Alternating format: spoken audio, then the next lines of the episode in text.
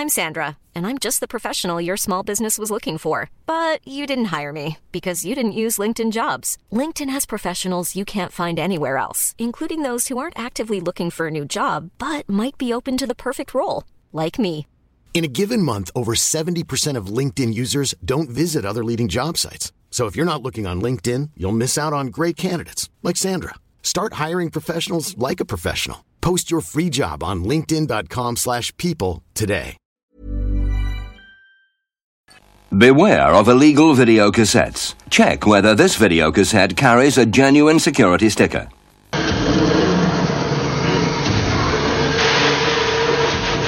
Earth was not made for us. She was made for the dinosaurs. The Earth was scaled to their dimensions. Human beings are ants crawling through their living rooms.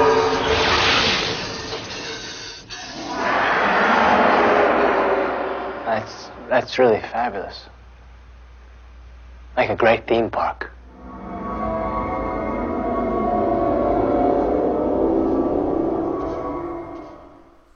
Välkommen till skräckfilmscirkeln och idag kacklande om en karmoniansk era där man cashar in på stora franchises och levererar en av filmtyperna som i alla fall jag älskar. B-film!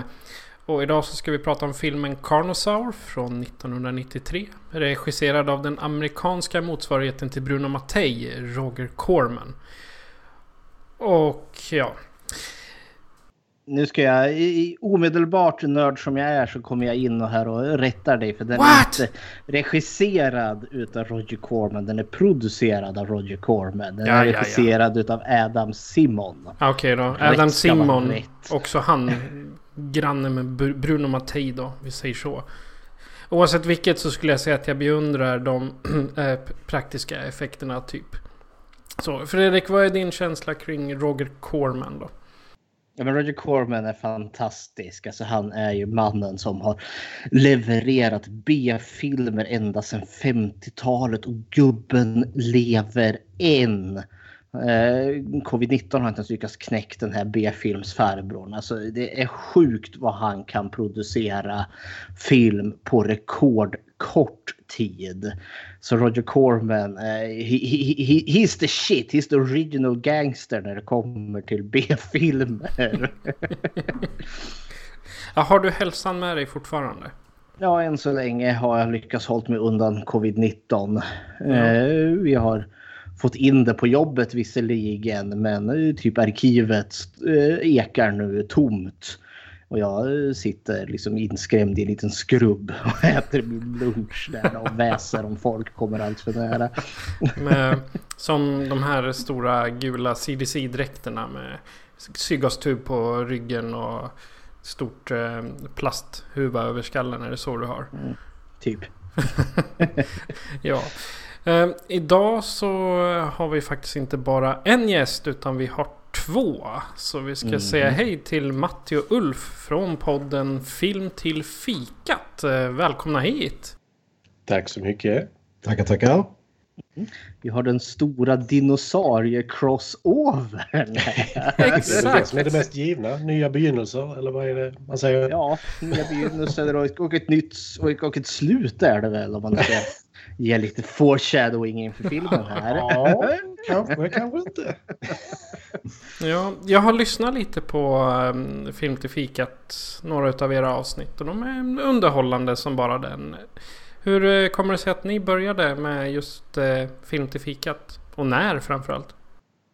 Eh, det började som en dålig idé av mig och Gustav egentligen. Eh, där vi så här bara, vi har många gånger snackat om att göra det och sen så bara, nej men nu, nu gör vi det. Nu gör vi en podcast liksom. Nu är det dags. Eh, och det började ju med att vi satt oss och gjorde en lista på lite åt detta hållet B-filmer. Eh, jag har min topp 20 som jag kallar det.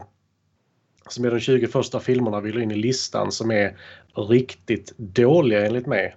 Och vi har kanske träffat en eller två av dem hittills. Och vi har gjort kanske, vad är vi uppe i, 26 avsnitt tror jag det är Något sånt. ungefär. Plus lite extra avsnitt.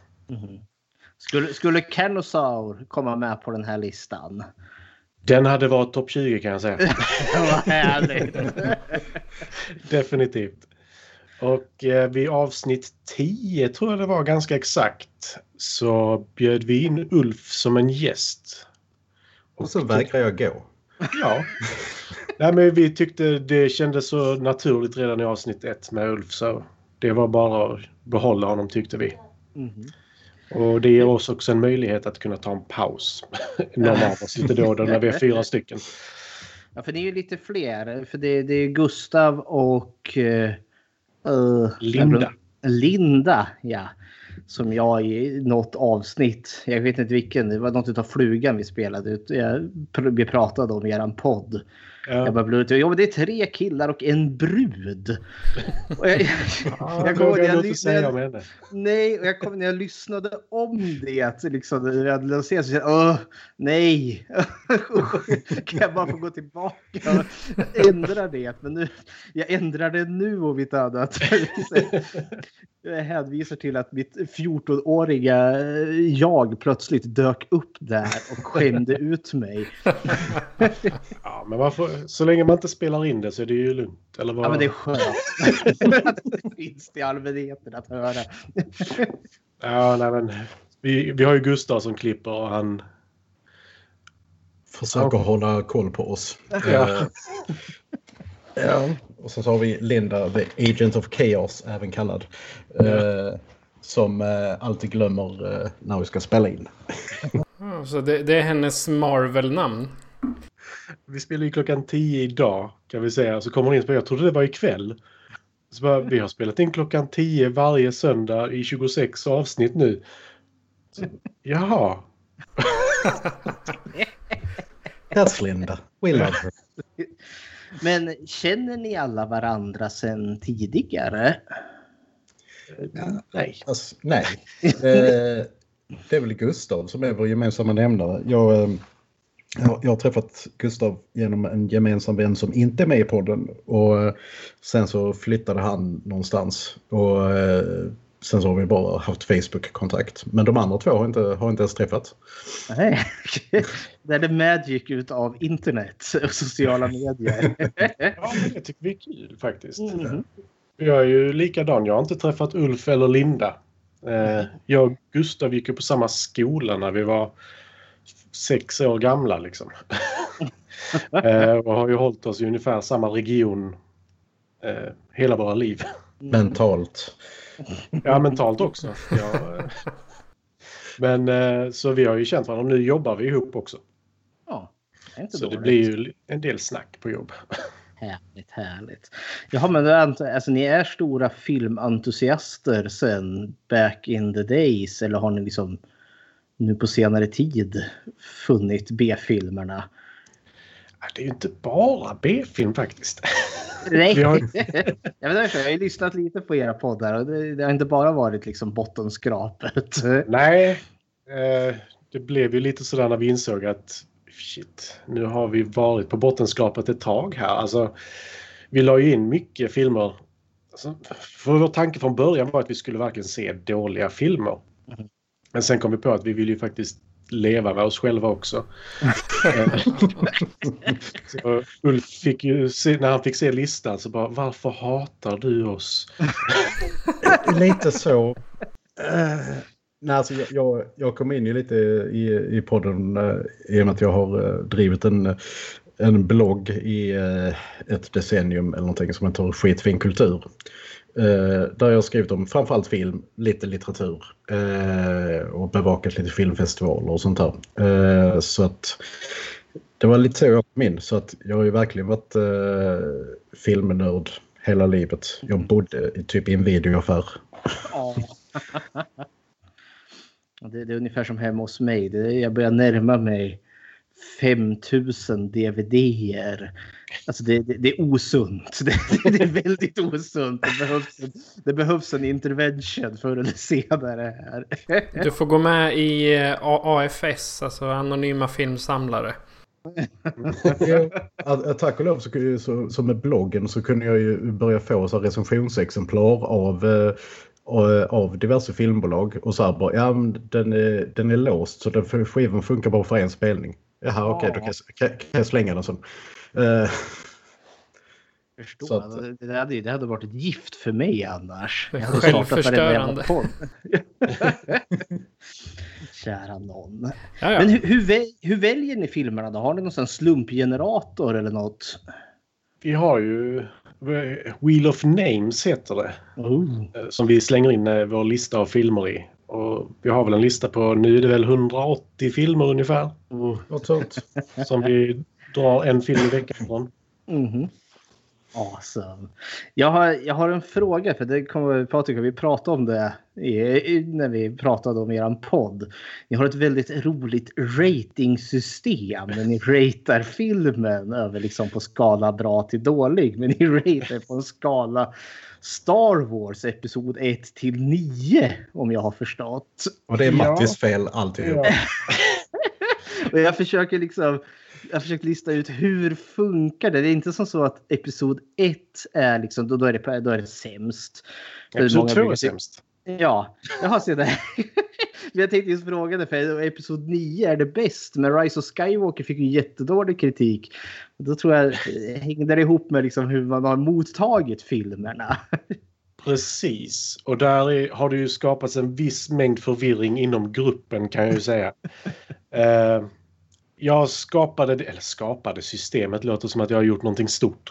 Eh, jag valde att vi skulle ranka det efter Star Wars-filmerna, vad vi tyckte om dem för att jag tycker det är svårt att sätta betyg på saker. Mm. Så jag tänkte, ja men då, vi bara gör sånt hittepå liksom. Så ja men vi tar Star Wars-skalan. 1 till 9 det är ändå en bra skala så att du inte har 1 till 10 för då kommer allting bli 7 eller 8. så då tog vi det och så sa jag, ja men du ska sätta den i förhållande till vad du tycker hur bra filmen är i förhållande till en Star Wars-film. Mm. Så du rankar Star Wars-filmerna för dig själv. Ingen ska veta exakt var du har rankat dem. Allihopa. Så det, det, är alltså, det är inte ett svårt system där överhuvudtaget för någon som har svårt att sätta betyg. Eh, är det som att du vill få fram. Mm. Men hur blir det då med spin-off-filmerna? Kan en film vara, ja det här är en riktig Rogue One känner jag. Vi hade ju en gäst nu som var med på Predator och det är ju en kille jag känner sedan tidigare som är med i Mindy Bredd rollspelspodd som jag också är med i. Mm -hmm. uh, och han sa direkt, är jag med kommer jag säga Rogue One. Oavsett vad det är. Jag kommer säga Rogue One för det är min favoritfilm. Så börjar man om filmen är dålig då. Jag kommer säga Rogue One. Okej. Okay. Då kommer han in och så säger han vad sätter du den i Star Wars? Rogue One. Så jag bara, men du får bara säga 1 till 9 för annars blir det... Så ska vi ta avsnitt 4 säsong 3 av Rebels? Nej, det funkar inte liksom. Jag vill ju ge betyg Mandalorian till något känner jag. Ja, det känns så ibland men... Ja. Det blir, det blir många olika att sätta in där känner jag. Så jag sa Skywalker-sagan rakt av. Annars funkar det inte. Vad satte han för betyg till sist? För jag kommer inte ihåg. Jag tror det blev en Revenge of the Sith, tror jag. Mm. episod 3, va? Ja. Ja. Men vi såg ju Predator 2 så... Mm. Ja. ja. Men Linda är ju den som är, som sagt, Ulf sa innan, Agent of Chaos. Jag vill gärna kalla mig det, men Linda är det omedvetet. För hon eh, har ju en tendens att säga att den är som clone, Attack of the Clones. För jag tycker den är dålig. Och sen nästa gång så den är som Attack of the Clones för den är bra. Så, du vet om att hon kommer lyssna på det här sen? Ja, det får hon gärna göra för jag har tagit detta med henne. Så någon gång så bara satt jag mig så här, mutade mig själv och bara så okej, okay, jag måste ta det lugnt. I'm done. Det är väl så. Vissa vill ju bara se världen brinna, så är det Ja. Kära någon. Jaha, ska vi göra en liten recap på vår poddhistoria då? Ja, ni har lite längre. ja, vi har ju det. Och det går ju... Jag kan ju börja och sen får du ta vid Patrik. För det är ju, det är ju, all skuld är ju din yep. på grund av att podden faktiskt finns. Men den börjar med mig. Eh, och det börjar med min, min trag. Lägg på fiolmusik här nu. Jag var arbetslös och desperat. och så fick jag eh, ett halvtidskneg på ABF och stod där och eh, kokade kaffe och bakade bullar. Eh, och de har ju studiecirklar. Eh, och då var det en av personalen där, för vi är lite samma filmsmak och tyckte det var kul och nördigt med filmer att de inte skulle starta en filmcirkel. Då var det lilla adern att på ABF eh, där får man eh, eh, det finns vissa saker du inte får göra studiecirklar kring. Eh, och då var det då ett, ett brädspel Eh, och det andra, eller spel överlag, man inte bara sitta och spela spel och kalla det en cirkel. Och det andra var då att titta på film. Eh, för det räknas då inte som folkbildande. Så då var vi tvungna att komma runt den lilla kruxen. Men då gjorde det att vi tog alltid ett tema. Eh, så om vi ville kolla på som inledande eh, studiecirkeln då kollade vi på filmen En vampyrs bekännelse. Då hade vi då tema vampyrer. Och då gjorde vi som så att, eller gjorde jag som så att jag föreläste då lite om vampyrens historia. För vampyrer har ju år i olika kulturer. Så då kunde jag prata lite om det och sen prata lite om hur filmerna, alltså från Hollywoods begynnelse till eh, modern tid idag. Och då räknas det som folkbildande och då får man se en film för det knyter ihop till ämnet. så det, det började liksom vid eh, ja, hösten 2014 och tänkte väl liksom att ja, men det är kul att se om det kanske, kanske håller på någon termin här. Vi håller på en. så det tog liksom inte slut. Eh, och där kom du in Patrik. Ja, jag kom in eh, våren 2015. Eh, säsong två. Ja. Så, och sen så bör, då började jag intressera mig. Eller ja, jag hade ju hela jävla hyllan full med skräckfilm sen innan. Men eh, då efter några år så började jag lyssna på The Hysteria Continues. Jag, jag gissar mm. på att ni vet vilken det är. Det är en transatlantisk podd. Det är, både, det är en ifrån Storbritannien, en från, Engl eh, en från Irland, en ifrån USA. Eller två ifrån USA till och med varit slut. Och eh, jag, jag lyssnade ett år och sådär och sen tänkte jag fan jag vill göra något sånt här jag också. Och då så när vi hade hållit på nästan eh, fem år med skräckfilmscirkeln så insåg jag fan vad material vi har. Men vi var väl närmare, vad kan det vara? Material för en eh, hundra avsnitt till kanske. Mm -hmm. Ja, och då så tänkte jag bara, äh, fan, nu kör vi. Så då frågade jag dig om du var intresserad. Och i eh, september 2018 så sändes första avsnittet. Yay! Ja, och sen har det gått uh, ungefär varannan vecka sen dess. Med några dubbla dagar när vi har haft sådana här dubbelavsnitt. Och, ja. Så många timmar framför uh, Garageband och Audacity har det blivit om man säger så. och sen mycket, man har lärt sig mycket också. Det, det är det jag måste säga. Så, och sen, sen är, Ja. Du är väl den som har fått lärt dig mest. Alltså, du är ju den som är teknikern i det här gänget. Jag har lärt mig, jag har införskaffat mig en mikrofon och insett att jag ska prata i mikrofonen eh, där loggan sitter sitter. För det är tydligen där den plockar upp ljudet. Jag har suttit här som en jävla idiot och pratat i den bak och fram. jag vet inte hur många avsnitt. ja. Nej men alltså jag har, jag, jag läste estetisk musik på gymnasiet så jag har ju fyra år, ja tre år plus ett år extra med studioteknik. Så det här med att, att mixa och grejer det var ju liksom inga bekymmer. Och sen hade jag faktiskt stöd i en av ehm, eh, programledarna i The Hysteria Continues, eh, Justin Kurswell. Han, han, jag frågade honom om råd, liksom vad han använde för programvara och mjukvara och, och sådär. Så att eh, nu är min, min dator ju pumpad med sån programvara som egentligen är till för att syssla med grafisk design. Så, ja. Så när jag klippte podd innan så klippte jag i Premiere. För jag tyckte det var lättaste programmet att klippa i. Även om det bara var ljud. Så tyckte jag liksom att men det är mycket lättare att klippa det än eh, Audacity. Liksom. Det, är, det är bara C och V att hålla ordning på. Mm. Ja, precis. Men då så, då har vi presenterat oss själva för varandra och för världen. Vad, som, som vanligt då så tänkte jag vi ska prata om vad vi har sett sen sist. Så att, eh, och i vanlig ordning då Fredrik, du får börja. Jag börjar. Jag har sett en hel del. Jag eh, påbörjade ju, som jag flaggade för och i, i podden här, att jag skulle göra 31 filmer eh, till halloween, alltså i oktober här. Titta en film per dag till som är 31 oktober. Jag har fetfailat med det och håller fortfarande på att försöka slutföra den där listan.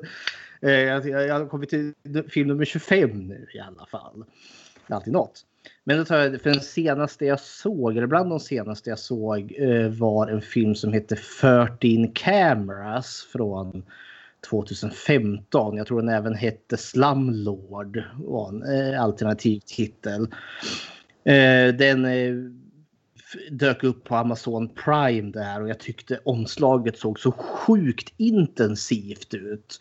Det är liksom en eh, svettig, tunnhårig man med glasögon filmar lite snett ifrån. Man ser liksom, han, med tänderna håller han på att dra ut liksom en, en tejp från en silvertejprulle. Jag tänkte gode gud vad är det här? För det här ser liksom jätterått och hårt ut. Eh, och så kollade jag på trailern och vart jättenyfiken. För plotten är ett ungt par. Eh, de är, väntar sitt första barn. Eh, och så flyttar de in. Ja, vi ska leta de bostad. De vill ha större för de ska bilda familj. Och så hittar de ett eh, bättre hus i ett något område där med pool och allt. Oj, det verkar trevligt och hyran är väldigt fördelaktig. Hyresvärden är lite udda. Det var han som var på omslaget så jag förstod att han är ju the bad guy. Eh, men jag trodde liksom att det här skulle vara en sån intensiv kidnappnings och tortyrfilm. Men det var det inte. Istället var den creepy som bara den. För det visar sig att den här hyresvärden han har installerat kameror. 13 stycken då. Eh, på liksom valda punkter i huset. Och sitter liksom och flåsar framför sin skärm. Och det, ja, men det var i stort sett det hela filmen handlade om. Den här obehaglighetsfaktorn. Liksom, någon tittar på dig när du sitter på toaletten någon sitter och tittar på dig när du sover.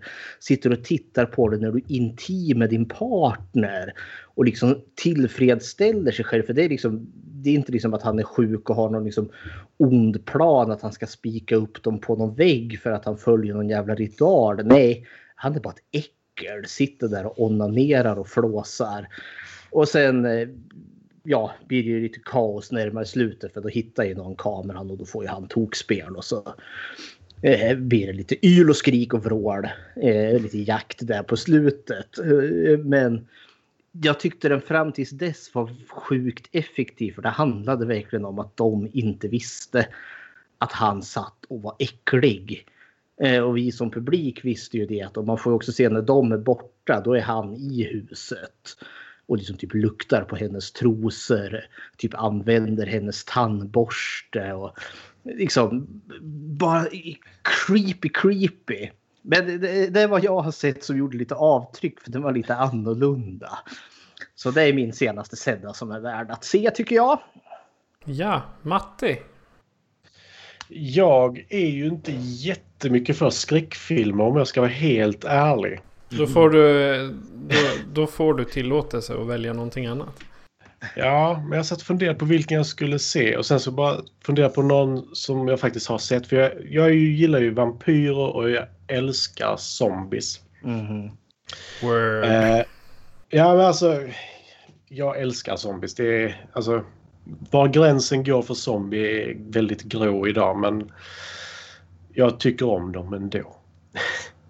Eh, och en av mina favoriter är faktiskt Dawn of the Dead. Eh, den nya varianten faktiskt. Mm. Zack Snyders. Mm. Eh, en av få saker han har gjort bra.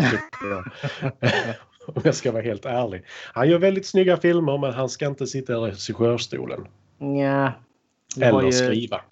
Nej, vi har ju nu, vad är det, the, the, the Snyder Cut av Justice League ska väl komma nu. ja, men hur stort ego har du när du lägger Halleluja bakom trailern liksom? Ja, jo, men det, det, var ju lite artsy med att den var ju svartvit också. Så. Oj, oj, oj. Mm. Men nu är det äntligen rätt. Nu är det halleluja, nu kommer min version. Men uh, Dawn of the Dead är ju... Vad ska man säga? Begynnelsen är ju en kvinna som är, jobbar som sköterska. Och eh, en dag så när hon går och lägger sig med sin man så vaknar hon upp med en liten flicka i rummet. Och det är ju granndottern som vill in och leka vanligtvis.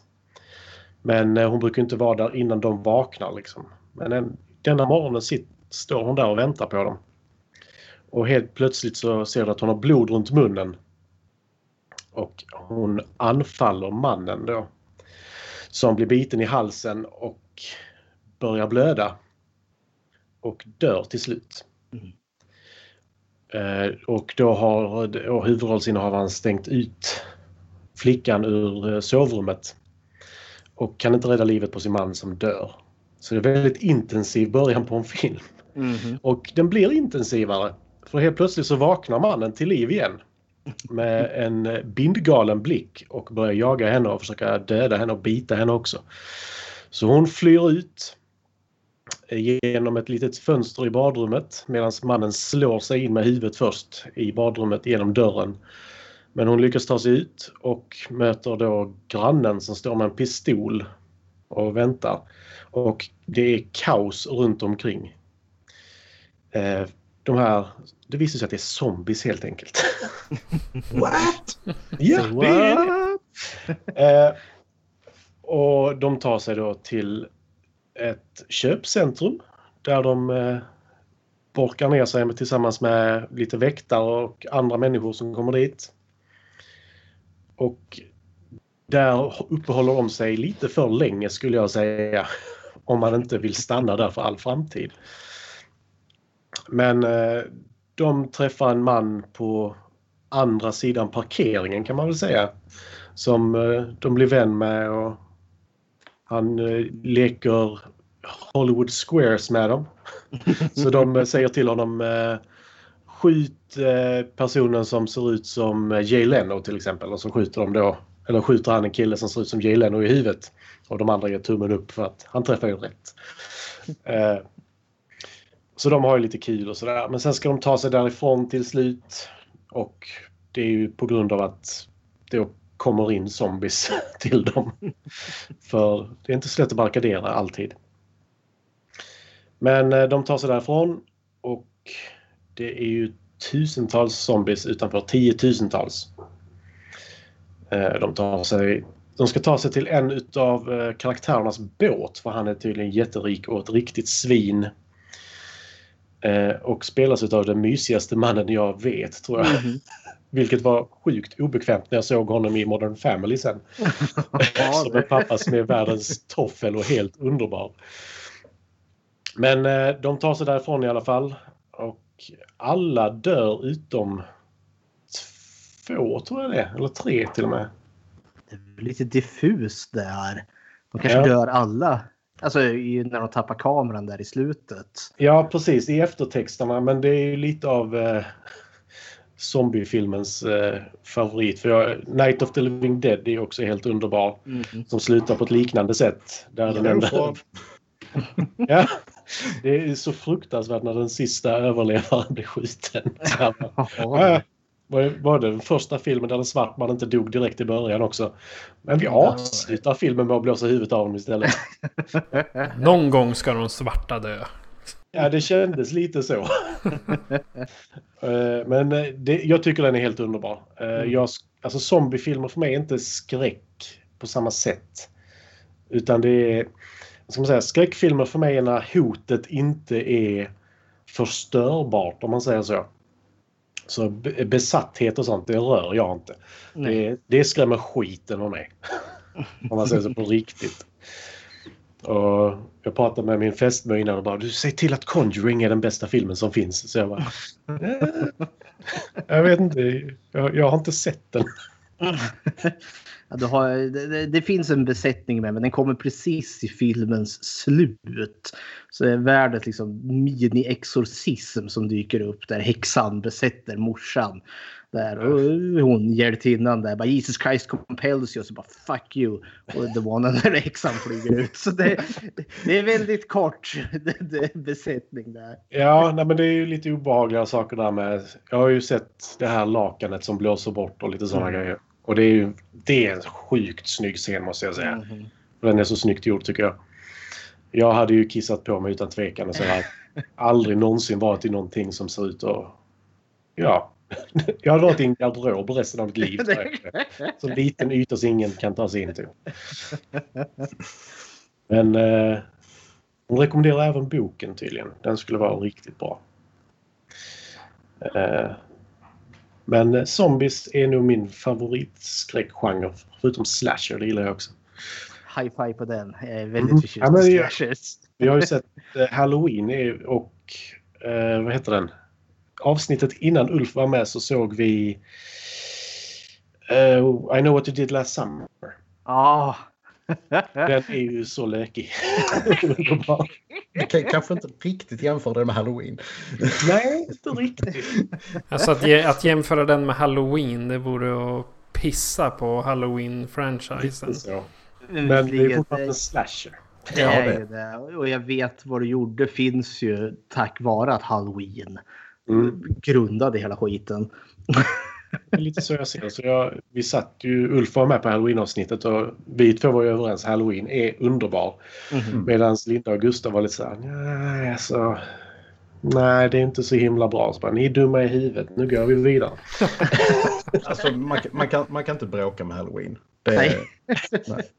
Men men man kan bråka med Rob Zombies remake, det godkänner jag. Den kan man bråka väldigt mycket med. Jajamän. Och sen så, sen så är jag, jag och Matt inte överens om att eh, om Halloween 3, vet jag.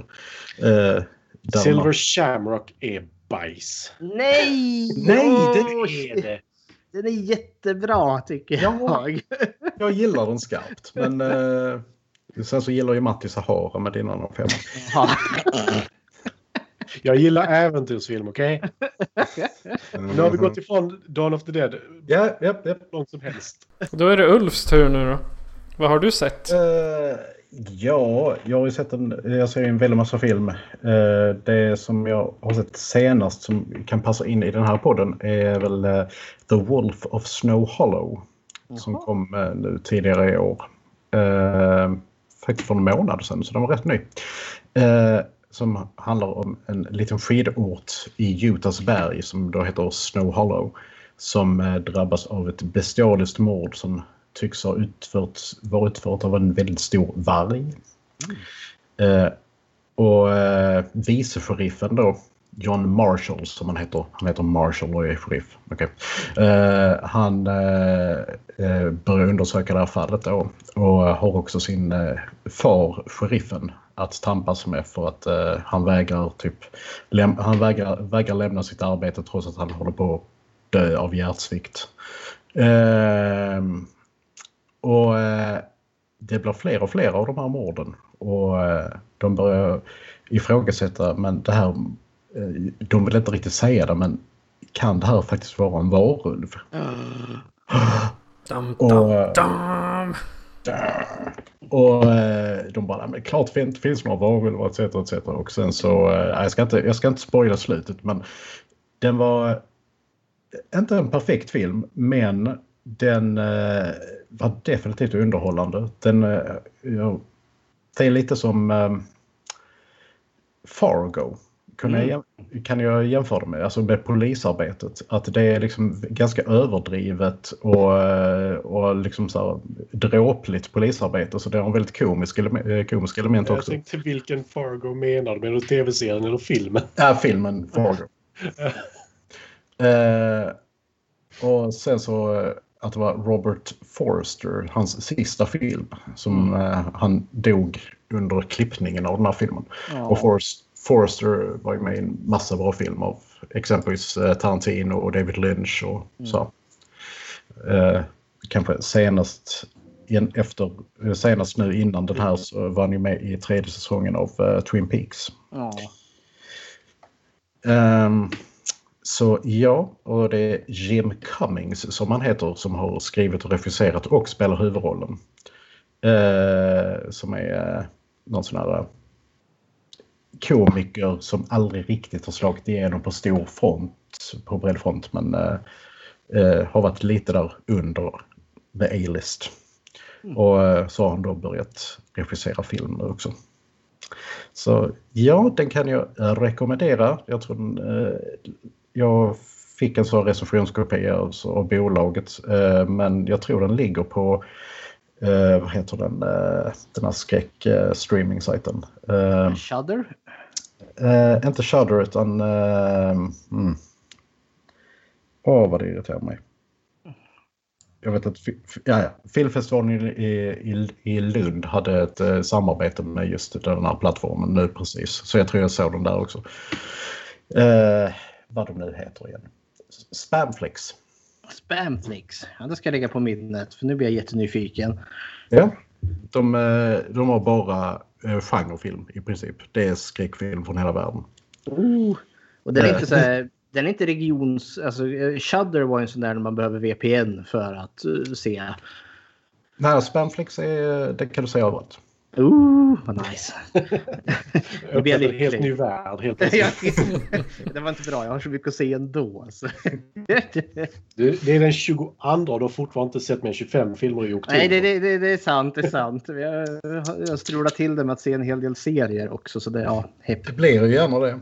Ja. Eh, Men eh, ta gärna en titt också på, på postern till The Wolf of Snow Hollow som kan vara årets snyggaste poster. Den är, eh, den är apsnygg verkligen. Mm. Eh, Jag kan inte riktigt beskriva den för att göra den rättvisa. Men eh, give it a look.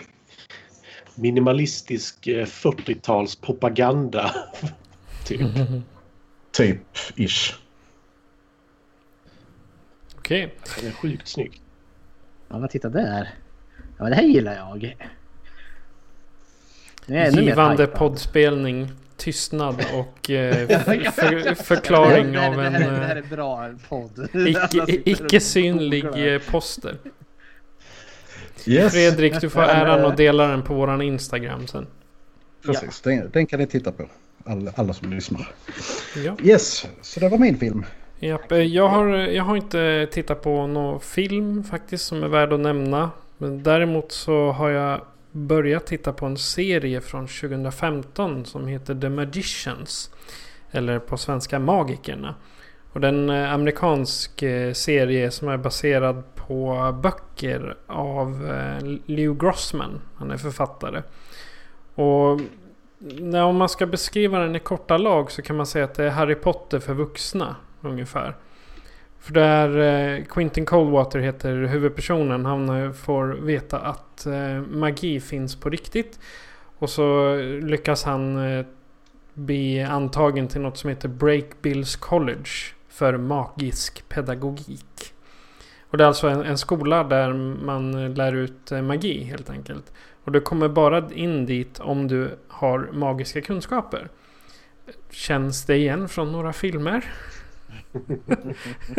Så att eh, det, här, det, det är ungefär som en vuxen variant utav Harry Potter-filmerna. Men den här är något mer intelligent skulle jag säga. För det finns... Man, man inser att det finns en parallell värld. Liksom en, en värld som bara magiker vet om. Och jag skulle rekommendera många att se den för det är tre eller fyra säsonger nu. Jag kommer inte exakt ihåg. Den finns på HBO Nordic och på Amazon Prime ska jag säga. Det, det, det är ganska, ganska mycket som händer eh, överlag så jag har svårt att välja ut något särskilt. Men jag vet att första säsongen är i alla fall eh, den är givande. Man lär sig mycket. Och sen de andra två har jag inte sett än så där kan jag inte säga så mycket. Det är, no, det är något jag får återkomma till. Men i alla fall det är en, en serie som jag starkt re rekommenderar. Är det något ni har sett? Någon av er? Ja, men, eller jag, jag, har, vad ska man säga, jag har suttit bredvid medan min eh, fästmö tittat på den. eh, för jag stod inte ut med klippningen i det. Oh. Nej, inte först. Det är jättekonstigt. Ja, för det, det finns ju liksom late in, fast out liksom. Ja. Men de, de är... Det finns ingenting som händer innan den dialogen du måste höra. Och det är jättekonstigt klippt för mig. För det, det finns bara ögonblick som du får se av allting och det är det du måste se. Mm. Jag tror att det är liksom första säsongen. För där har de verkligen tryckt in allt. För att man ska mm. liksom... Det är verkligen en pilotsäsong. Och det känns som att de experimenterade lite där. Ja. Jag är med i en rollspelsgrupp där vi börjar köra Mage the Gathering. White Wolves spel där. Och där har flera av deltagarna liksom. Ja men för inspiration se uh, The Magicians. Ja. Jag har bara, jag har bara prompt vägrat. Nej, men tar man, eh, tar man sig igenom första säsongen så då är den säkerligen ganska underhållande. Ja, nej, alltså den, den är intressant men just klippningen är för konstig för mig den. Ja, jag, jag håller med dig. Det, ibland så är det liksom blinka och du missar det. Mm. Typ så. Japp, men det var alla våra senast sedda. Jag mm. lämnar över till dig Fredrik för du hade någonting skoj för oss. Ja, vi har ju tema dinosaurier i våran crossover här. Eh, så i alla fall ska jag ha någon liten sån faktastund. Men nu kör jag en faktaquiz här förstår ni. Med tio frågor. Och nu är det liksom the name of the game att det är hemskt orättvist här. För jag har nu, det finns 100 poäng. Och jag har tagit dem allihopa här. För att jag är så hemskt orättvis av mig. Men kommer det tio frågor här med på ett eller annat sätt dinosaurie eller dinosauriefilmrelaterade. Och svarar ni rätt då tar ni 10 poäng ifrån mig. Eh, och eh, för jag har ju titulerat mig Movie Master of the Universe. Så då är det mjukt. Visst är det. Det, det, är jag, det är jag och Zack Snyder där. Ja. så. Men, eh, så, så jag och eh, jag och Matti, eh, vi hjälps åt eller? Jag tänker det kan alla tre för Patrik har inte fått de här frågorna heller. Ja. Nej, han har, he keeps me in the dark som man säger. Ja, jajamensan. Nej, men så svarar ni mer rätt så petar ni ner mig från min ödmjuka tron där. Mm. men då jag suttit här och försökt. Oh, nu välter jag mikrofonen. nu har jag sett här och försökt knåpla ihop lite om eh, dinosaur och försöka liksom ha lite fakta kring det. Eh, men alltså dinosaurier. Alltså det, det finns eh, eh, vad heter det, gamla kinesiska texter bevarade som är daterade till ungefär 2000 år. Ja, ja 2000 år bakåt i tiden. Eh, och där man då refererar till drakben, dragon bones. Och det tror man ju då liksom måste med största sannolikhet vara liksom dinosaurieben som man har hittat gamla fossiler eller någonting sånt där. Eh, och fossiler och sånt har man ju liksom grävt upp. Eh, men det första gången eh, man eh, eh med någon får, börjar liksom inse att det kanske hänger ihop på något vis och vänster. Det var 1676. Eh, en kurator där då, som heter Robert Blott som var då liksom kurator på det engelska museet som började liksom fundera över de här benen och se om man kunde lägga ihop dem och börja liksom pussla ihop. Och börja inse att det här kanske blir ett djur, ett jättestort djur. Eh, och sen därefter började man eh, liksom gräva upp mer av de här fossilerna. Eh, men man hade inte direkt ordet dinosaurie utan till en början så trodde man liksom att det hade att göra med gigantiska människor. Det fanns en tanke om att Adam och Eva i Guds, eh, när Gud skapade världen där, att de var giganter. För det hade ju David och Goliat där exempelvis. Goliat är ju jättestor. Eh, men eh, eh, sen börjar man väl liksom mer förstå saker och ting. Och då, då vi kommer till fråga nummer ett. Eh, ordet som vi har, dinosaurie, myntades ju inte direkt. Utan vilket år myntade man liksom själva begreppet dinosaurie. Eh, så att det liksom vart ett riktigt ord som användes i akademiska texter. Och då tänker jag, ni får en felmarginal med tio år. Jag är schysst. God. Uh, ja du. Eh, jag bara drar till med, detta är alltså inte, inte ett svar utan det är bara en uh, point for discussion. Men jag drar till med 1880. 1880, ja. Så sent tror du? Jag är inne på tidigt 1800-tal, typ 1812 snarare. Något sånt. Mm. Då säger jag 1845. Ja, det var tur att du gjorde det, för året är nämligen 1841. Yay! Och då är det ju inom felmarginalen här, så nu börjar liksom det betas ner min, min plats från tronen här. Men det, det myntas nämligen av en Sir Richard Owen som då skrev en rapport eh, där han då skriver då The Report of British Reptiles Part 2. Så uppföljaren sätter historien. Ja, och då eh, tog han då liksom ordet från det grekiska denisos som då betyder skräckenjagande och förfärlig. Och eh, saurus betyder då eh, eh, ödla. Så det är skräcködla rätt och slätt. Och det där satt ju kvar.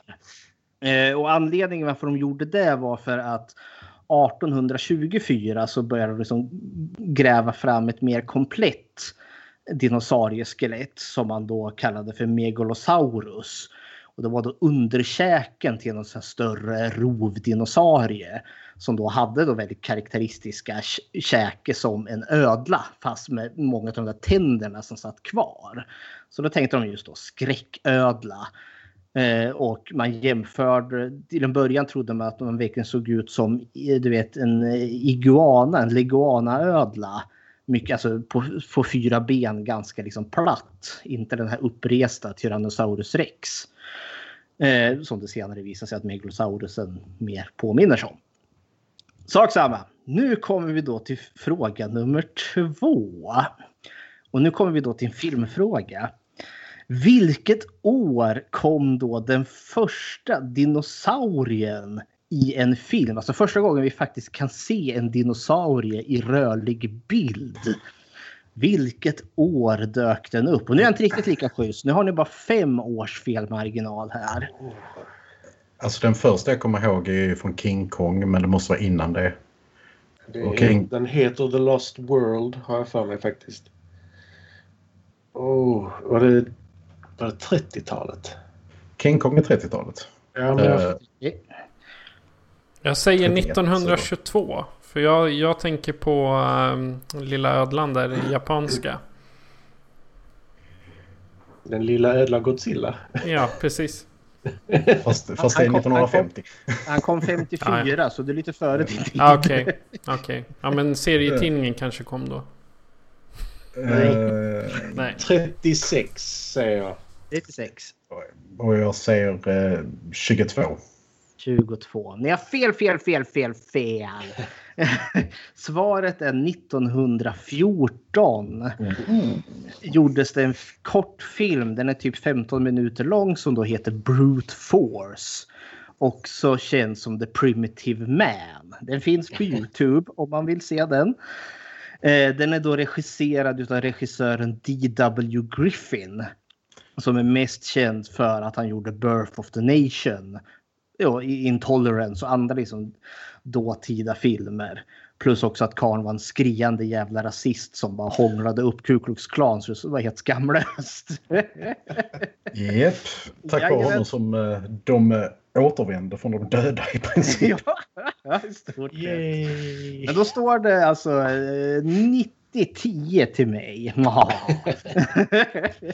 så ju svårare frågor desto större chans är att du stannar på tronen helt enkelt. Jajamensan, det är riggat från start här. Jag är inspirerad av Donald Trump. ja, men då kan du förlora och fortfarande säga att du vinner. Jag kan ju faktiskt Har du någon advokat med rinnande hårfärg? Eller en spiritual advisor som talar i tungor. Ja, som bara skriker om ja. fantastiskt. The angels are coming from Africa. Fråga nummer tre. Nu, eh, jag tror mest majoritet, jag tror jag lämnat all fakta här nu och gått in i film här. det finns en filmserie. Och nu snackar vi alltså filmserie med biofilmer. där det finns minst en dinosaurie i varje film. Vilken filmserie skulle det vara? Spoiler alert, det är inte Jurassic Park. Fast det hade varit rätt svar. Ja, det hade varit.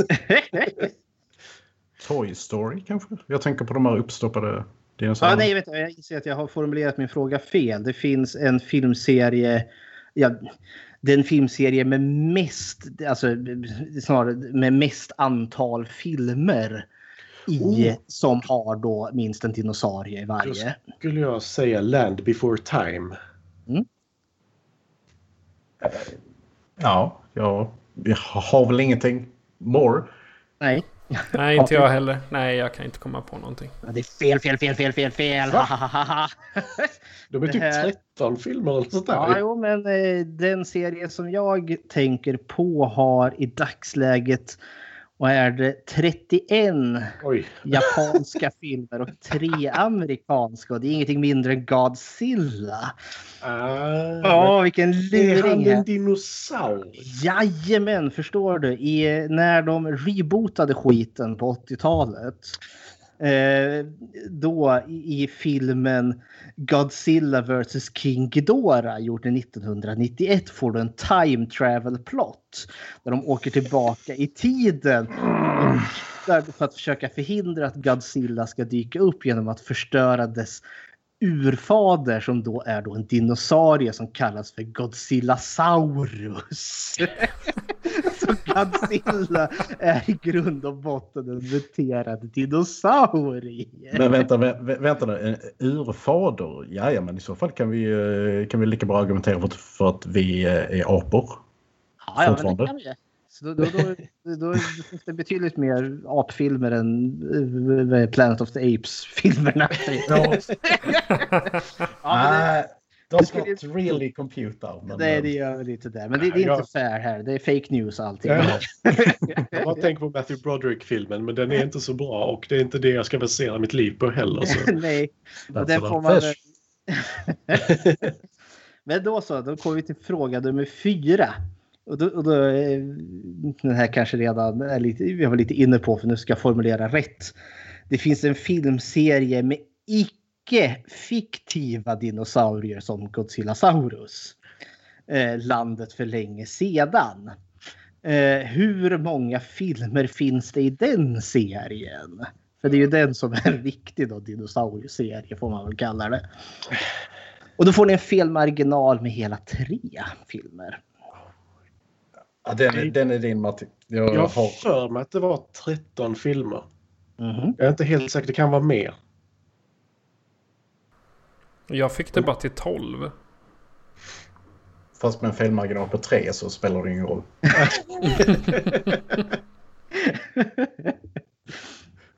Jaha, vill du också chansa Ulf eller vill ni ha svaret? Nej, Jag, jag, jag ställer mig till Mattis 13. Ja, men det gjorde ni rätt i för detta svaret är 14. Oh. Den, f- ja, den första är då gjord 88 och den senaste gjord 2016. Hur många remakes? Nej, det är uppföljare allting. Följer allihopa. Och musikaler och skit. Jajamensan. Och det är bara den första som är bra, den med Don Bluth. Ja. Oh. Jag växte upp med den där filmen. Jag gråter hejdlöst när Lillefots mamma dör där. Ja, ja, Det är men, för hemskt. ja, men tänk på vilken Don Bluth-film som helst och tänk på hur den börjar. Ja, jo. Alltså det är så jävla deprimerande men bra. Eh, Ja, Det är barndomstrauma hela vägen. ja. Och han har fortsätter bara. Jag, har världen, vi- jag och min bror vi har en evig jävla beef kring den filmen. Eh, För vi växte upp och vi glodde ju, man glodde ju på samma filmer om och om igen när man var barn. Och det var just Vasthand, T-rexen i den filmen. vi har debatterat något så våldsamt kring könet på den. Mm. Eh, han- Han säger att det är en han och jag har sagt att det är en hon. Och vi har liksom butt head där med varandra. Sen köpte jag liksom, hittade jag Blu-rayen för inte allt för länge sedan. Och kollade om skiten. Och var så frustrerad för den tilltalas som en han hela tiden. Fram till som med slutet när de gör upp planen att knuffa ner Vasstand i, i sjön där. Och då säger Lillefot att hon kan inte simma med de där små händerna. Ah! Så den hen. ja, det var bara ingenting. Men då står scoren 80-20 här då. Och då kommer då fråga nummer fem. 93 gjordes filmen Jurassic Park baserad efter Michael Crichtons bok med samma namn från 1990. Hur många Oscar kammade den här in? Och nu får ni ingen felmarginal. Den fick ju för musik vet jag. Den är, jag säger fyra, ringer en klocka direkt, men jag kan ha fel. Jag tror det är tre. Ehm, hmm. Jag har ingen aning alls. Det har gått mig förbi. Okej. Men eh, då säger vi Matti sa ju tre och det rätta svaret är tre. Yes. Den vann för bästa specialeffekter, för bästa ljud och bästa ljudredigering. Just ljud var det inte musik. Aha. Nej. Men den fick ljud också. Så, Mm. ja, Ja, men inte musik så. Ja. Men eh, då står det 70-30 här. Fråga nummer 6. Vilken är den mest ekonomiskt vinstbringande dinosauriefilmen? Puh. Eh, med att det in, eh, nu tänker jag liksom att det inte är Jurassic Park bara för det.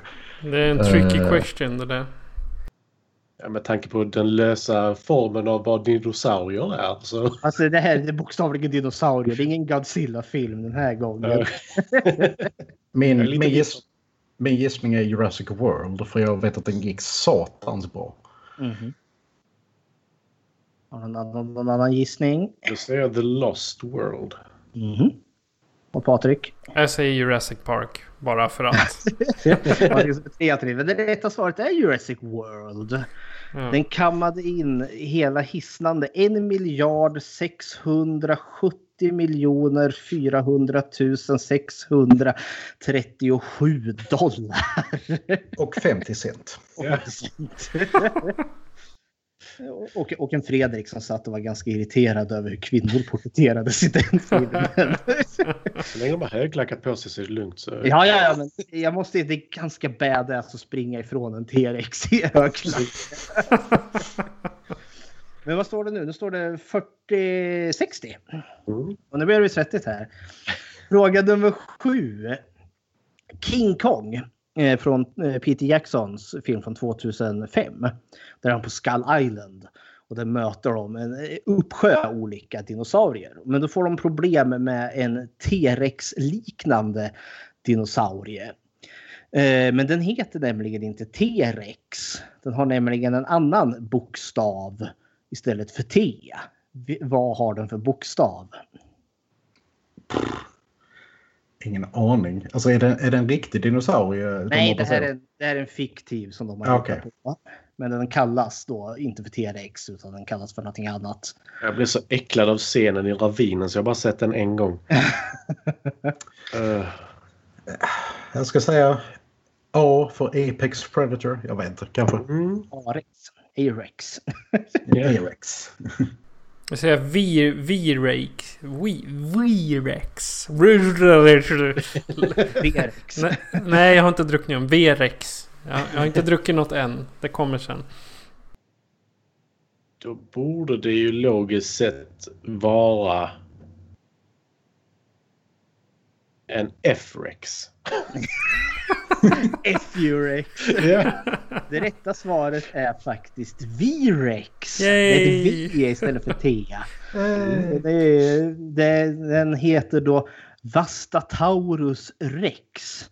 Som då ska tydligen översättas till Ravenger Lizard King.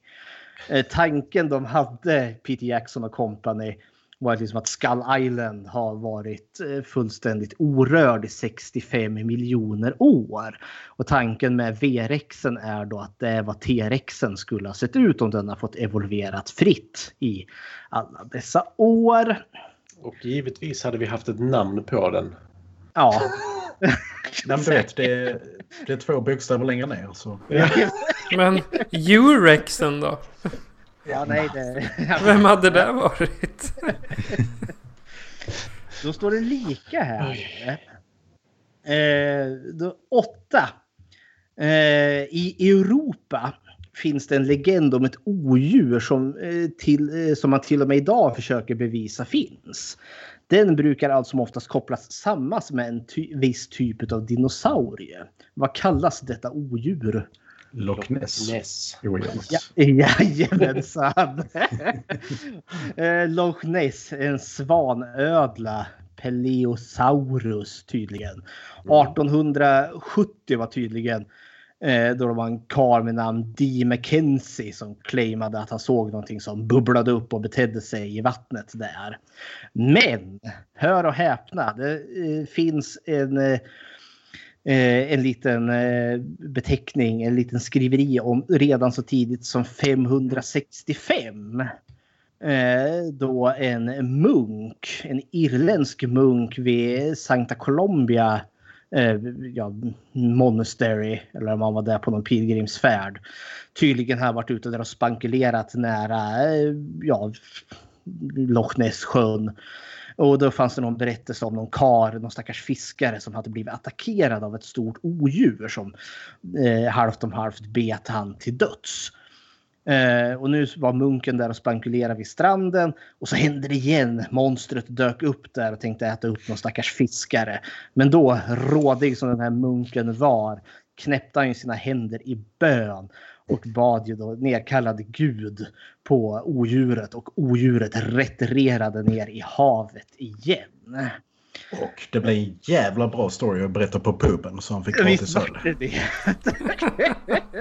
Nej men så eh, eventuellt har det funnits odjur i sjön redan sedan 1506 men i mer modern tid så har Loch Ness och djuret plumsat runt sedan 1870.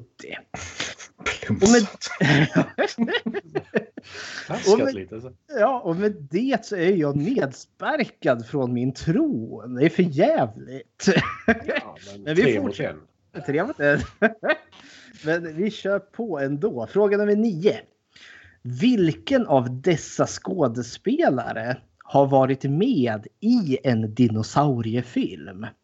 Är det Leonardo DiCaprio, Melissa McCarthy, Nicolas Cage eller Whoopi Goldberg?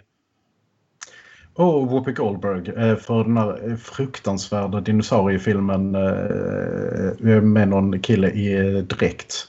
Jajamän. Som, spe- som spelar basket. Ja, Theodor Rex. Ja, Det finns ju, vad är det, de, plotten även om kometen missar jorden och dinosaurierna utvecklas tillsammans med oss människor. jag har faktiskt inte sett det men jag har sett, eh, sett eh, filmomslaget sjukt många gånger i så här typ hyrvideoaffärer och bara vad fan är det här? Ja, Men det, det är en buddy cop comedy. För det är liksom, här, Theodor Rex blir då den första dinosauriepolisen. Och så ska de lösa brott. Men Whoopi Goldberg hon är en dinosaurierasist. Hon umgås inte med så hemska dinosaurier. Och så kommer de över sina...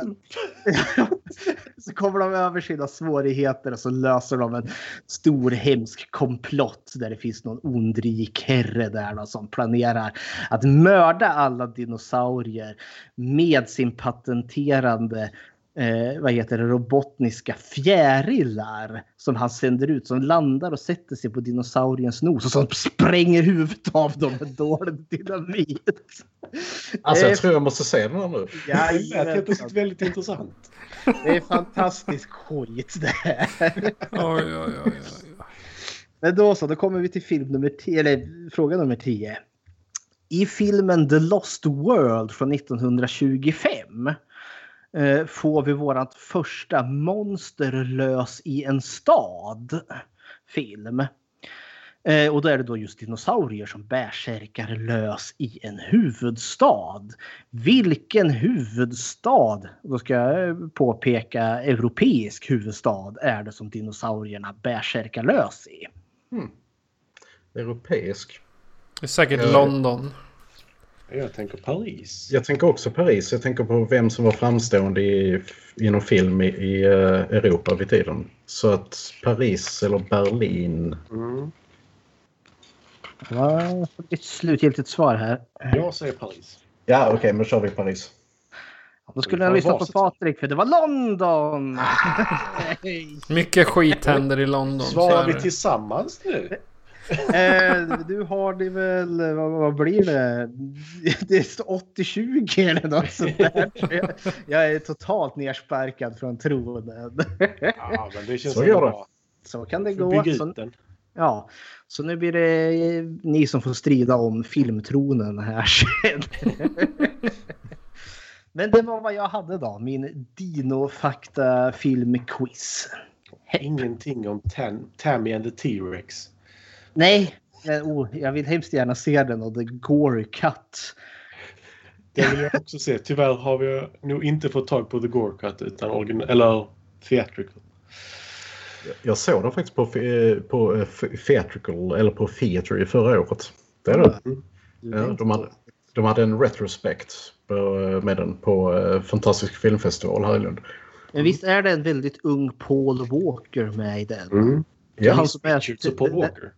det är han som är T-Rexen i slutändan har för mig. Jag sak samma.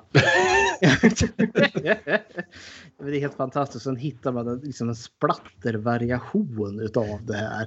Ibland känner jag liksom, jag skulle vilja vara med i och rota i filmarkiven och se om man kan hitta de här bortklippta scenerna. För nu är det väl så stort att man har hittat bortklippta scener till fredagen den 13 del 2. Har jag för Ah, mig. Det, För det släpps ju, en ja, men det släpps ju någon ny eh, jättestor box. Eh, eh, och då var den stora säljpitchen att man hade lyckats hitta eh, några bortklippta scener. Men det var väl inte från filmarkivet utan det var väl någon jäkla VHS-kassett i Belgien eller något sånt där. Men, där man då hade liksom hittat liksom man, mycket man har tram, trimmat bort. Exempelvis de här två som blir spetsade rakt genom sängen. Som Mm. är betydligt längre scen och stackars Adrian King som, blir, som man hugger i första mordoffret där. Som sylen i, i tinningen. För han vränder ju på hennes huvud så sylen kommer ju ut liksom ur näsan och sticker ut. Så det, det har varit väldigt groteskt. Men så, ja, hepp hepp. Ja. Då så. Quizet är klart. Så Mhm. vad sägs om att gå vidare till filmen då? Tusan kär. Ja, som heter Carnosaurus från 1993. Och Carnosaur ska det vara till och med. Ursäkta mig. Det här är inte en trailer utan det här är lite dialog ifrån filmen. För det fanns ingen trailer som inte bara var musik. Så ska det vara. You know, they're, they're an endangered species, but the few that are left are usually pretty hungry. So, knock yourself out.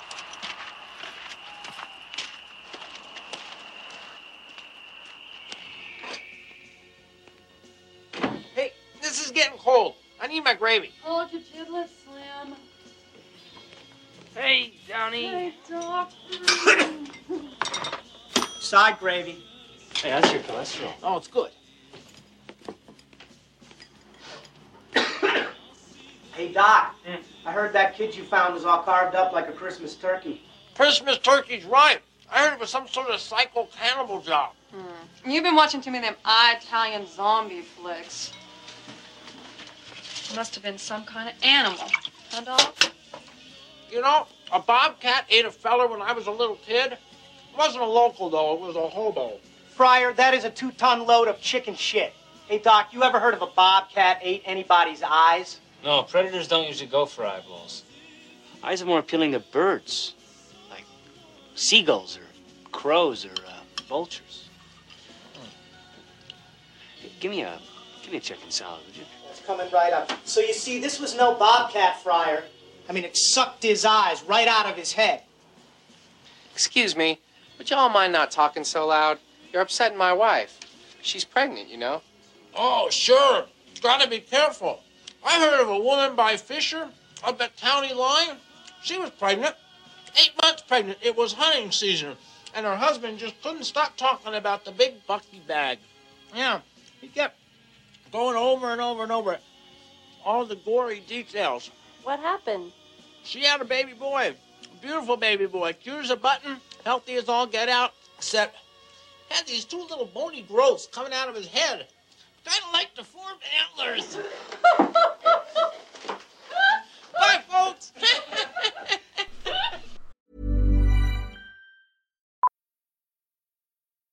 Millions of people have lost weight with personalized plans from Noom, like Evan, who can't stand salads and still lost 50 pounds.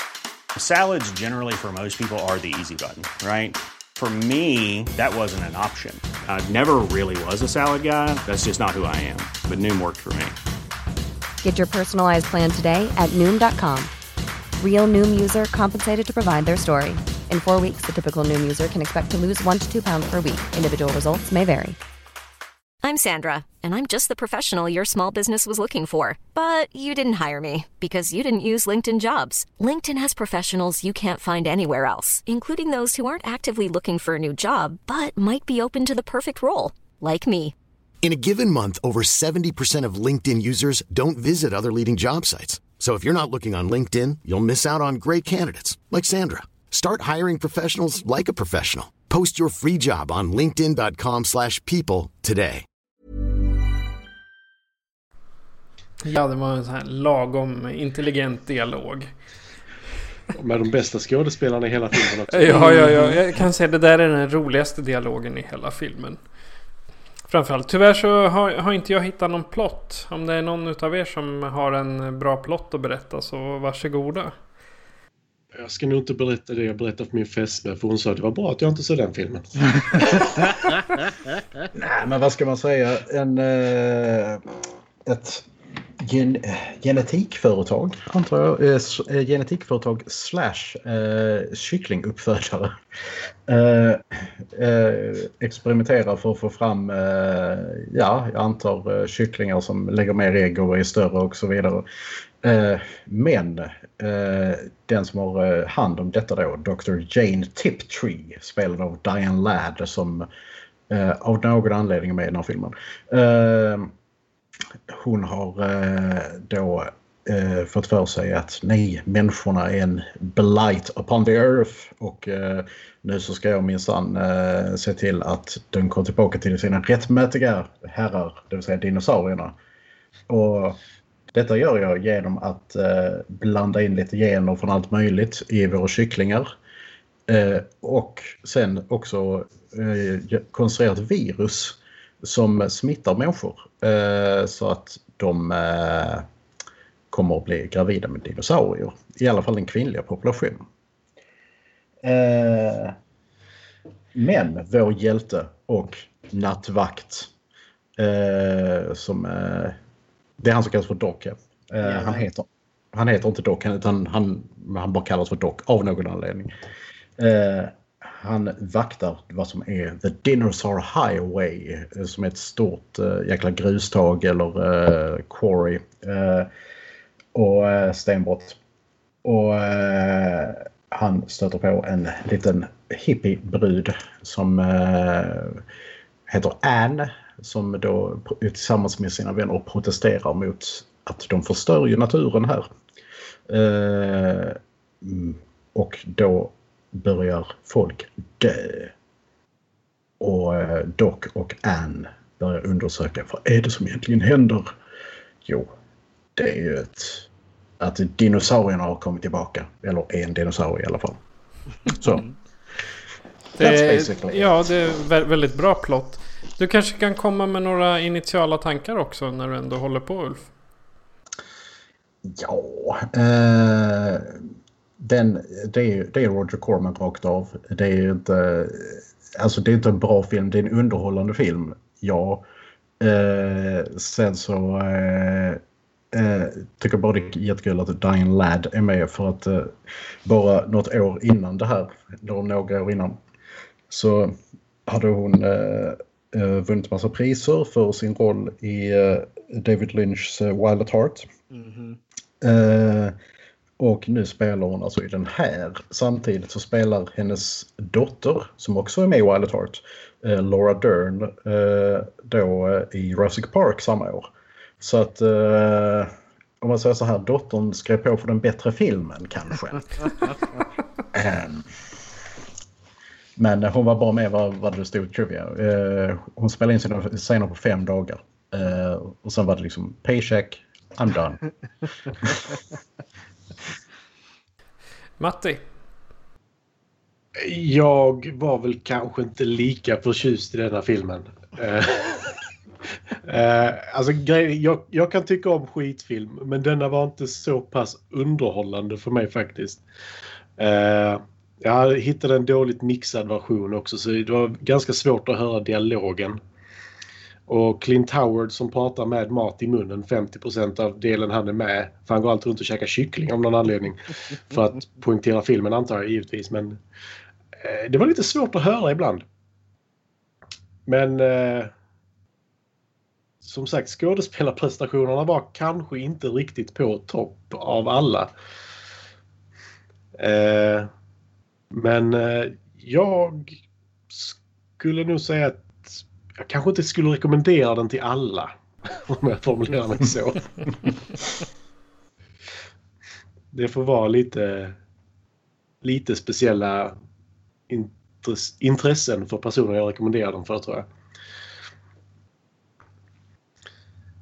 Men eh, mm, den var spännande. Med, ett frågetecken efter. med ett frågetecken efter. Jag tyckte, alltså, det var skrattretande kan jag ju säga istället egentligen om jag ska vara helt ärlig. Uh, ja, slutet på filmen kunde du se på ungefär två minuter in i filmen. Hur den skulle sluta för huvudkaraktärerna. Uh, vägen dit var lite annorlunda bara. De försökte ju få in lite detaljer med vad heter det, eh, både Alien och jag vet inte riktigt vad det var med de här äggen som skulle födas ut. Det var väldigt märkligt. Jaha, Fredrik? Uh, det här är en märklig bäst till film tycker jag. en Roger Corman-film med ja, med, med, med, allt vad det innebär. Och ändå så känns den här liksom som att den är märkligt lite mer välproducerad än vad Corman vanligtvis brukar göra. Och den här känns ju också som en Asylum-film. Mm. Nästan liksom ett decennium innan ens bolaget Asylum fanns. Eh, jag kommer ihåg att jag, jag såg den här någon gång när jag var tonåring för någon hade bandat ner den från kanal 1000 tillsammans med Carnosaur 2 också. Och då tror jag liksom det 13-åriga jag tyckte nog att den här var väldigt fräck för att den är väldigt jäkla blodig. Är den ju. För Gore-effekterna i den här tycker jag är fantastiska. Och dinosaurierna, jag vet inte vad det hade inte gynnats av att vi får se dem så pass väl vi får se dem. Det hade nog liksom kunnat gjort lite den här hajen-tropen, liksom att vi sparar dinosaurien till slutet. Men eh, det är en viss charm med den här jäkla handdockan liksom, som är den här liksom, tidiga dinosaurien och sen den här jättestela konstiga T-rexen som dyker upp på slutet. Och jag vet inte, jag, jag, tycker den här är charmig. Jag tycker att den har ett märkligt, den är märkligt dyster.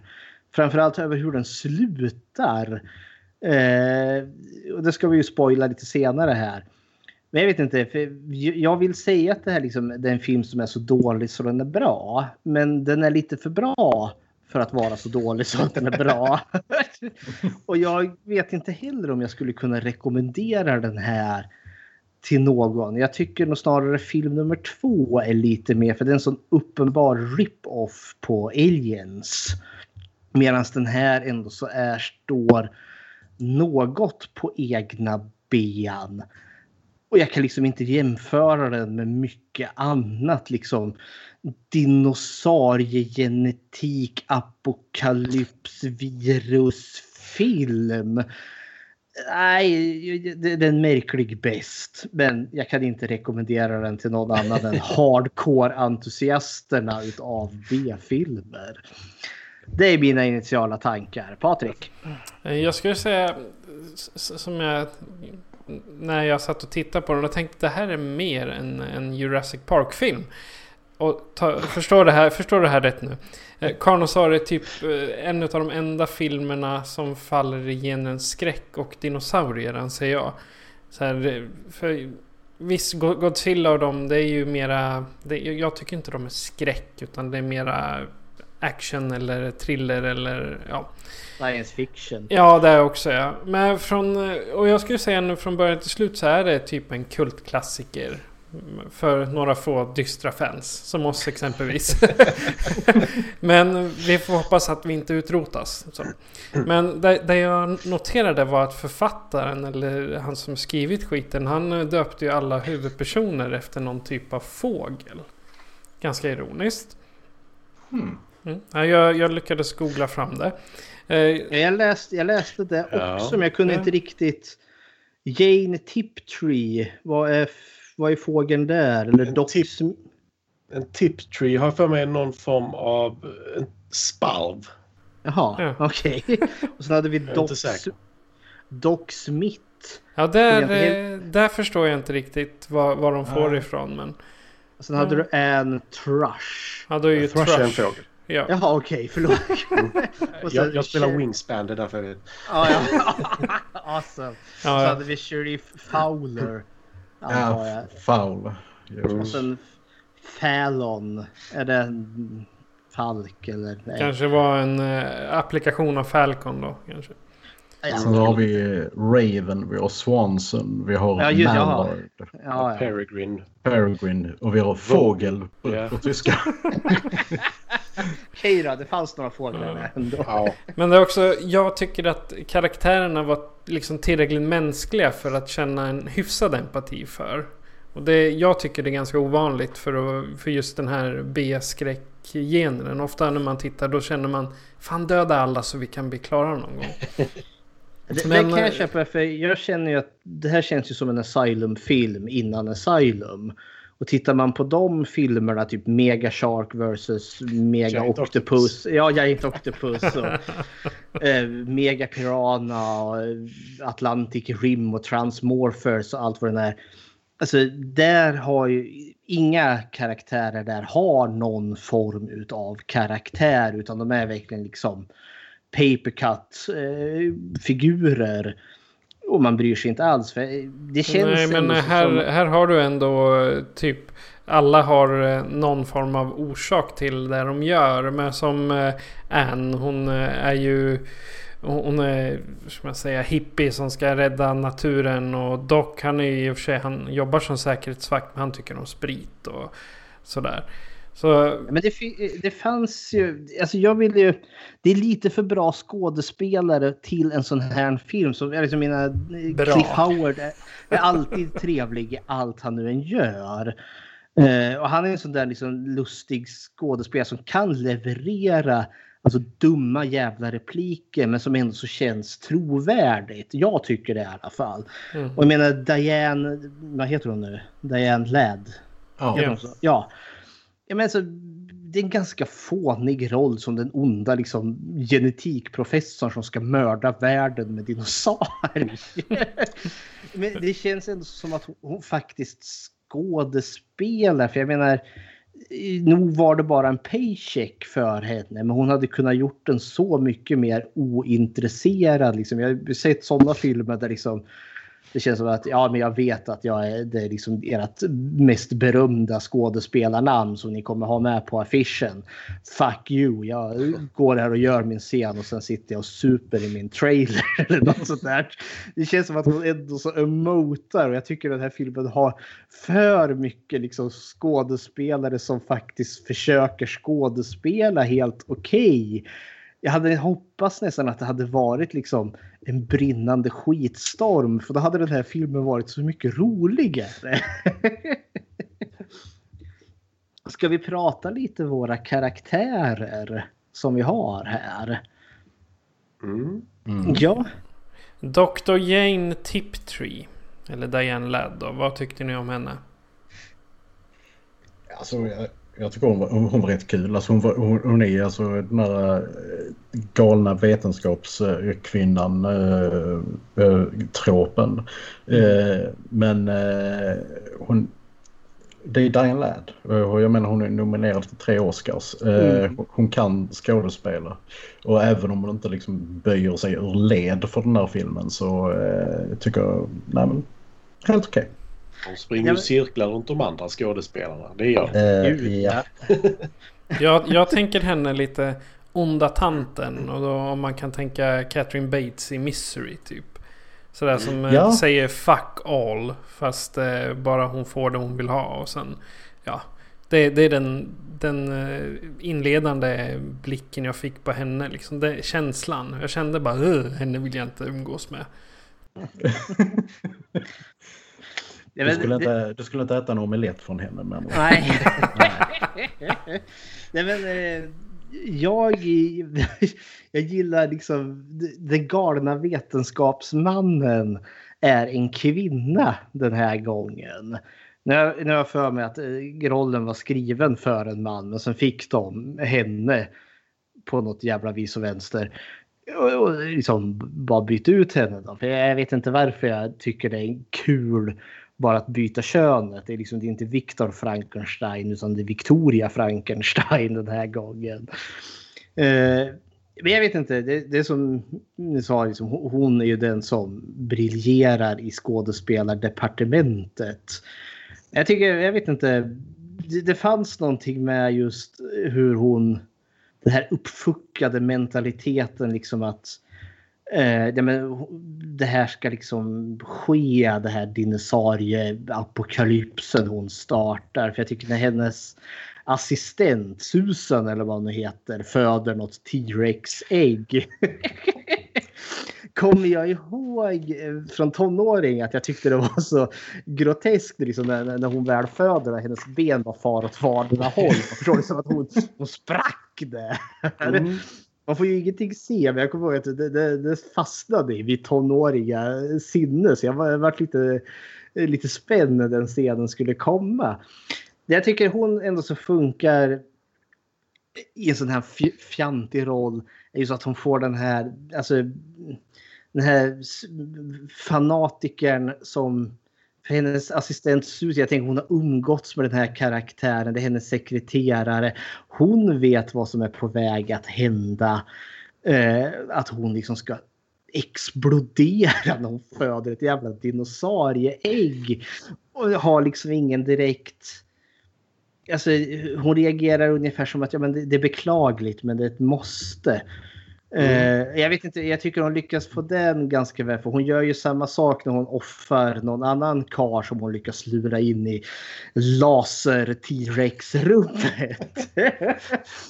det var discofest där inne. Det var ju ja, Alltså, för, för, vad var det för rum? Det var det liksom så att nu kan, vi, kan, eh, vi kan ta bort diverse gener från er i det här rummet eller någonting? Vad fan? Nej, men det, det rummet tolkade jag som att det rummet var till för att hålla denna dinosaurien på plats. Ja, så tolkar okay. jag det. Om, det, om det gick i, för han, han stoppar ju handen genom lasern och han vart avskuren där. Mm.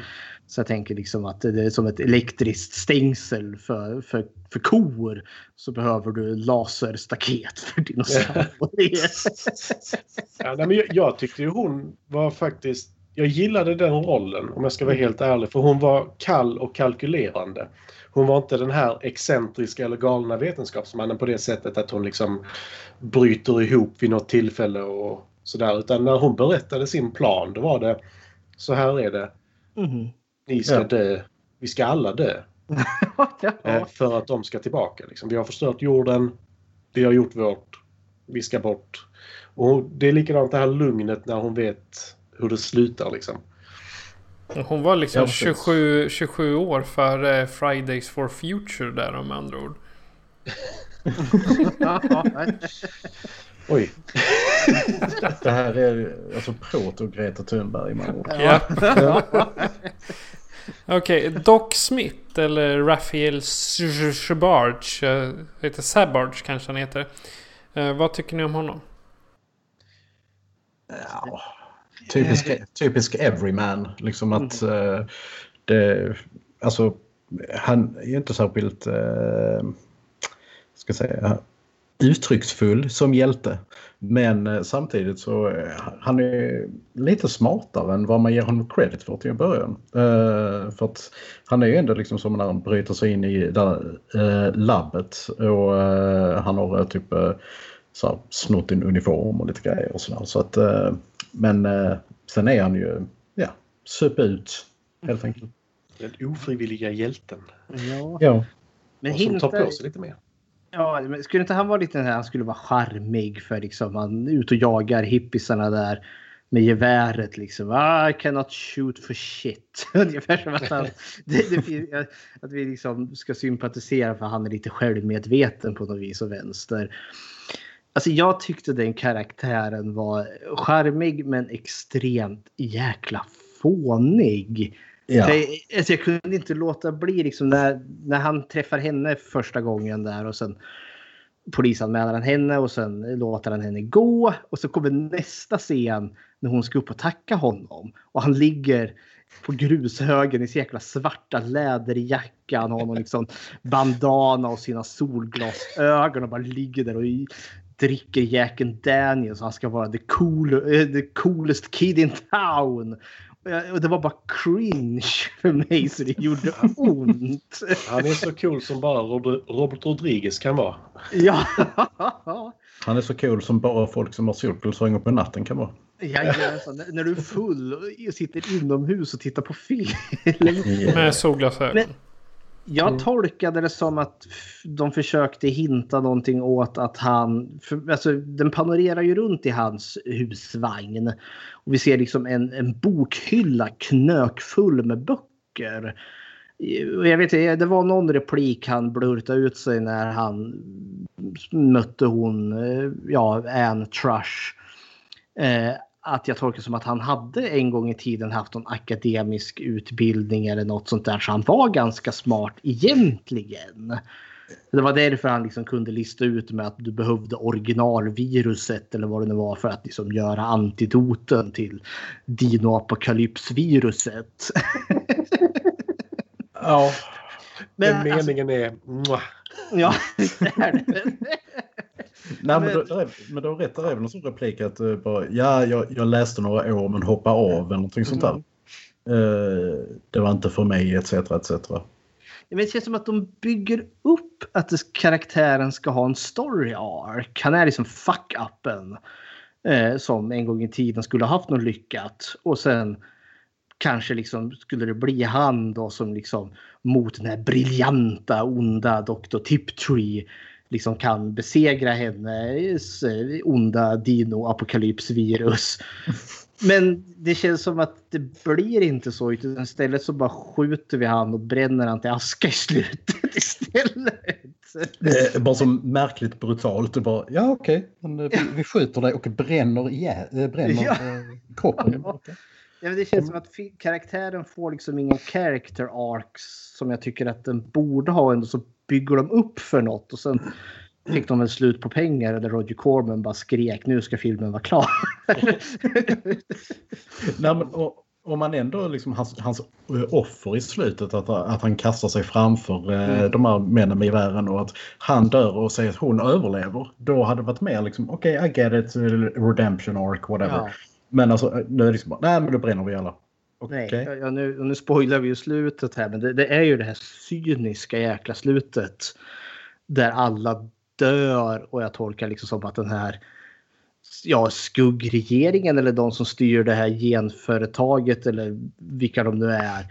Att de eventuellt liksom kan dra lite vinst på den här dino-apokalypsen. KFC.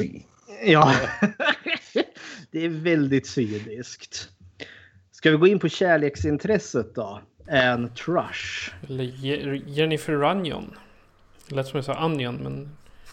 Jennifer, Jennifer Runyon. Hon heter väl Runyon? Med R? Ja, Runyon. Ja. Mhm.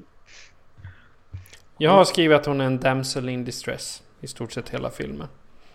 Förklarades varför hon alltid hade handskar på sig. Nej. Hon är Nej. hippie. Ja. hon hade alltid handskar på sig. Och jag bara så här, varför har hon alltid handskar på sig? Och det var ingen som, ingen som tog upp det vad jag hörde.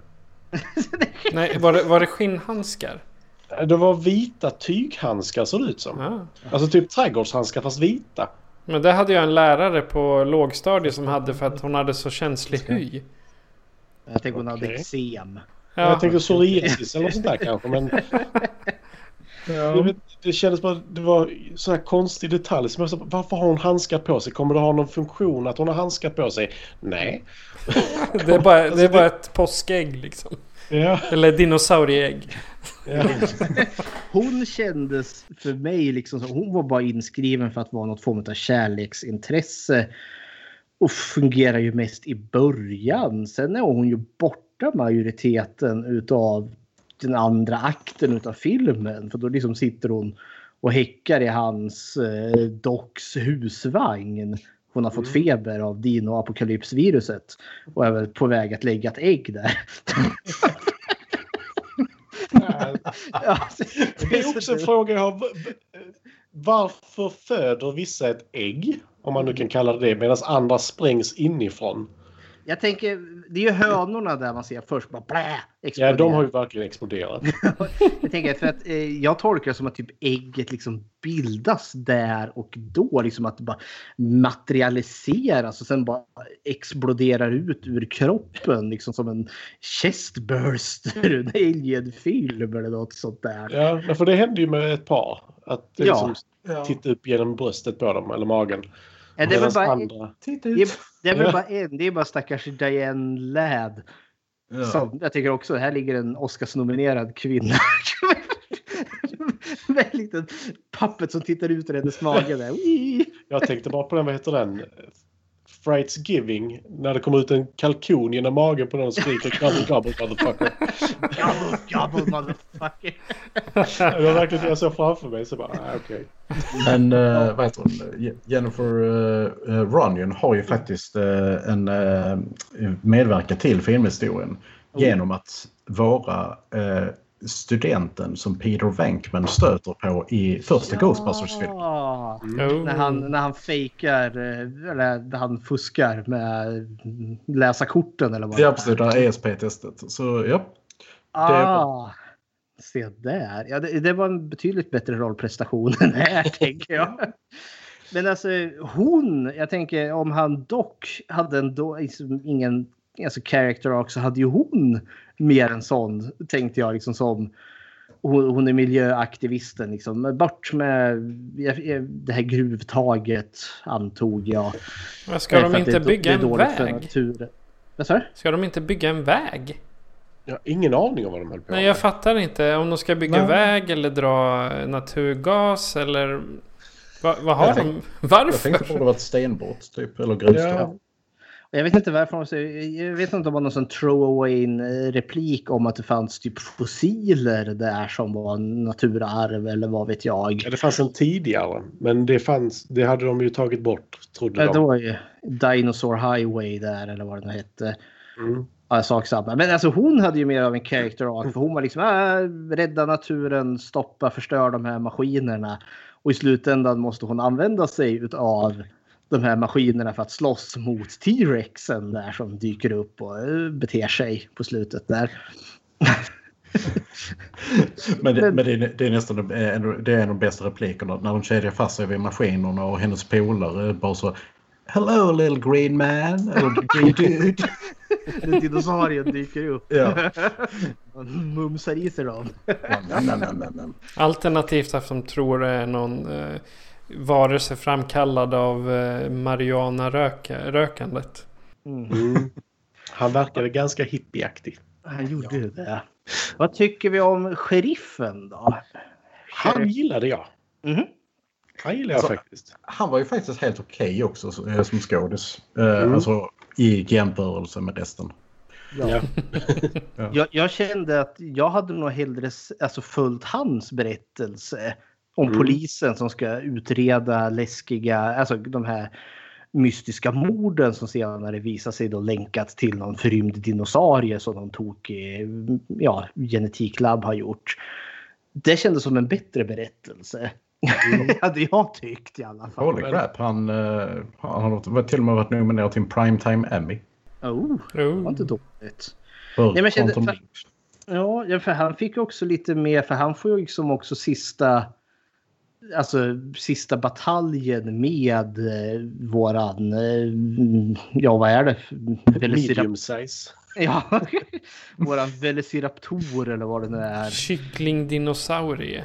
Ja. Men där gör, gör han ju det dummaste man kan göra i en film känner jag. Mm. Och det är sådär. Det, jag tyckte det var onödigt att han dog på det sättet. Mm. Han kunde ha dött mot militären eller vad det nu är. Mhm. För det sättet han dör på känns så meningslöst. Han ställer sig liksom bredbent, Ja. gränsle över dinosaurien efter att ha skjutit den och den bara ninjar upp klon i, i buken på han. Surprise motherfucker! Ja men varför? Ja men där var det gobble gobble verkligen. Den ut. Därför, det kändes bara så här, varför i hela friden skulle jag ställa mig över någonting som är täckt av vassa klor, gränsla den mer eller mindre när jag vet att den lever? Ja, för den ligger ju rör på sig och liksom Ja. gnyler och låter. Du har fan ett gevär, ett avståndsvapen. Ja, det är det jag menar, det bara känns så här meningslös och korkad.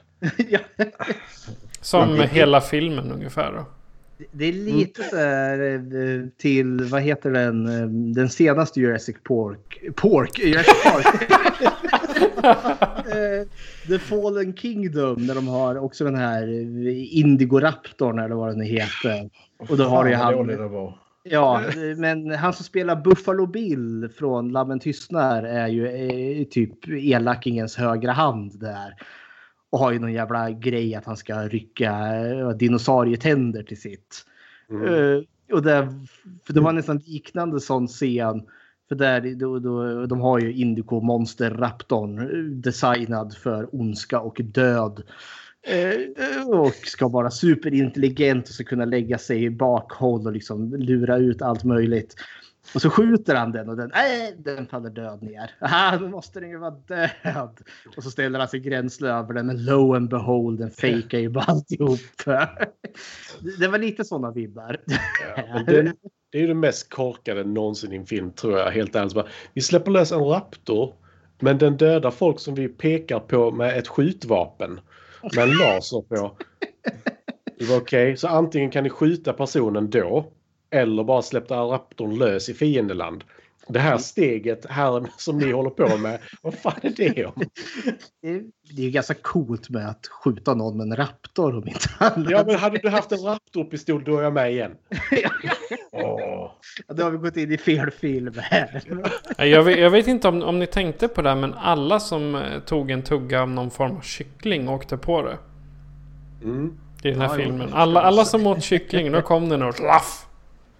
Det jag tänker ge liksom till sheriffen, för jag gillar den karaktären och hans dumma död, är väl också, också att, att han faktiskt dör. Alltså filmen offrar sina hjältar väldigt liksom os, alltså, osminkat. Han får liksom inte dö liksom någon sån här hjältedöd utan han får liksom dö liksom en ganska dum död. Så det, är liksom, det blir cyniskt hela vägen. Och det är väl det som är det här udda tycker jag med den här filmen. Den här känslan utav någon form av deprimerande sorg när filmen är slut. Detta är Game of Thrones. Där det var så här, vem kommer dö? Ja. Eh, långt, långt innan. Eh, I alla fall de första säsongerna. Det här är Game of Thrones fast med geni, gen, genmodifierade kycklingdinosaurier hellbent på att förgöra mänskligheten. Istället för drakar. Ja, det är sant. Men då har vi väl bara en karaktär som är värd att nämna vid namn. Och det är ju då karaktären Fallon. Spelad av Ned Bellamy eller vad han nu heter. Det är nog min favoritkaraktär i den här filmen. Är det någon som törs sig på att beskriva vad, vad är Ned Fallon, eller Fallon och vad gör han och varför? Jag har skulle- ingen aning om vad hans position är. Han är, alltså är inte han någon form av säljare på något företag? Första, vid, vid första anblick så trodde jag han var någon typ eh, ond vetenskapsman inom militären. Men så är det ju uppenbarligen inte då. Han, han verkar vara någon eh, halv, eh, halvt uppfuckad eh, säljare som inte riktigt vet vad han håller på med och ska försöka smörja en senator med blåbärspaj eller hallonpaj eller vad det nu är. Det måste vi ju prata om. Den helt fantastiska. Ja, men alltså Fallon verkar ju vara, alltså jag tolkade honom som något form av politiskt högdjur. Något som satt på någon avkrok i Pentagon och sitter inne på vansinniga jäv, alltså mycket makt liksom att det är han som styr Amerika i, bakom skuggorna ungefär genom något företag. Eh, och de har liksom typ obegränsat. Lite som typ eh, Arkiv X, du vet. The Cigarette Smoking Man. Där. ja. Fast att det är Blueberry Giving Line on Table Man. ja. För för det är den mest bisarra scenen där vi ser någon liksom ganska tjock medelålders man sitter och mumsar på en blåbärsmuffin eller paj eller vad det nu är. Och, och liksom kameran liksom panorerar lite runt och så ser vi han Fallon sitter där och liksom pratar nästan förföriskt. Liksom, de där blåbären, känner du hur, hur fuktiga och, och, och, och saftiga de är? Liksom. Och senaten säger ja, nom, nom, nom, nom. Så ser vi liksom hur, är, han sitter vid ett bord. Först tänkte jag liksom att eh, han sitter mitt emot. Men förstår jag, bordet är ju jättestort. Innan jag insåg att han, han ligger på bordet.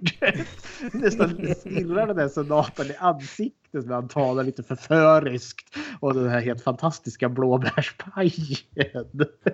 Och ap- apropå det bordet förresten. I en av de första scenerna så får man ju se de här olika huvudena av staten eller vad det nu Mm. Som sitter där. Och så sitter det, de sitter ju med en stående man bredvid sig allihopa. Vilket för det första gör att det ser ut som att det här bordet är jättehögt. Mhm. Och att de personerna är jättesmå som sitter där. Och sen sitter det en kille med en Coca-Cola-burk sådär supersynligt upplyst och fint sådär. Japp. Vad, vad, vad, vad vill du säga med detta? Jag vill säga sponsorpengar. Ja, undrar vem som finansierade. Ja.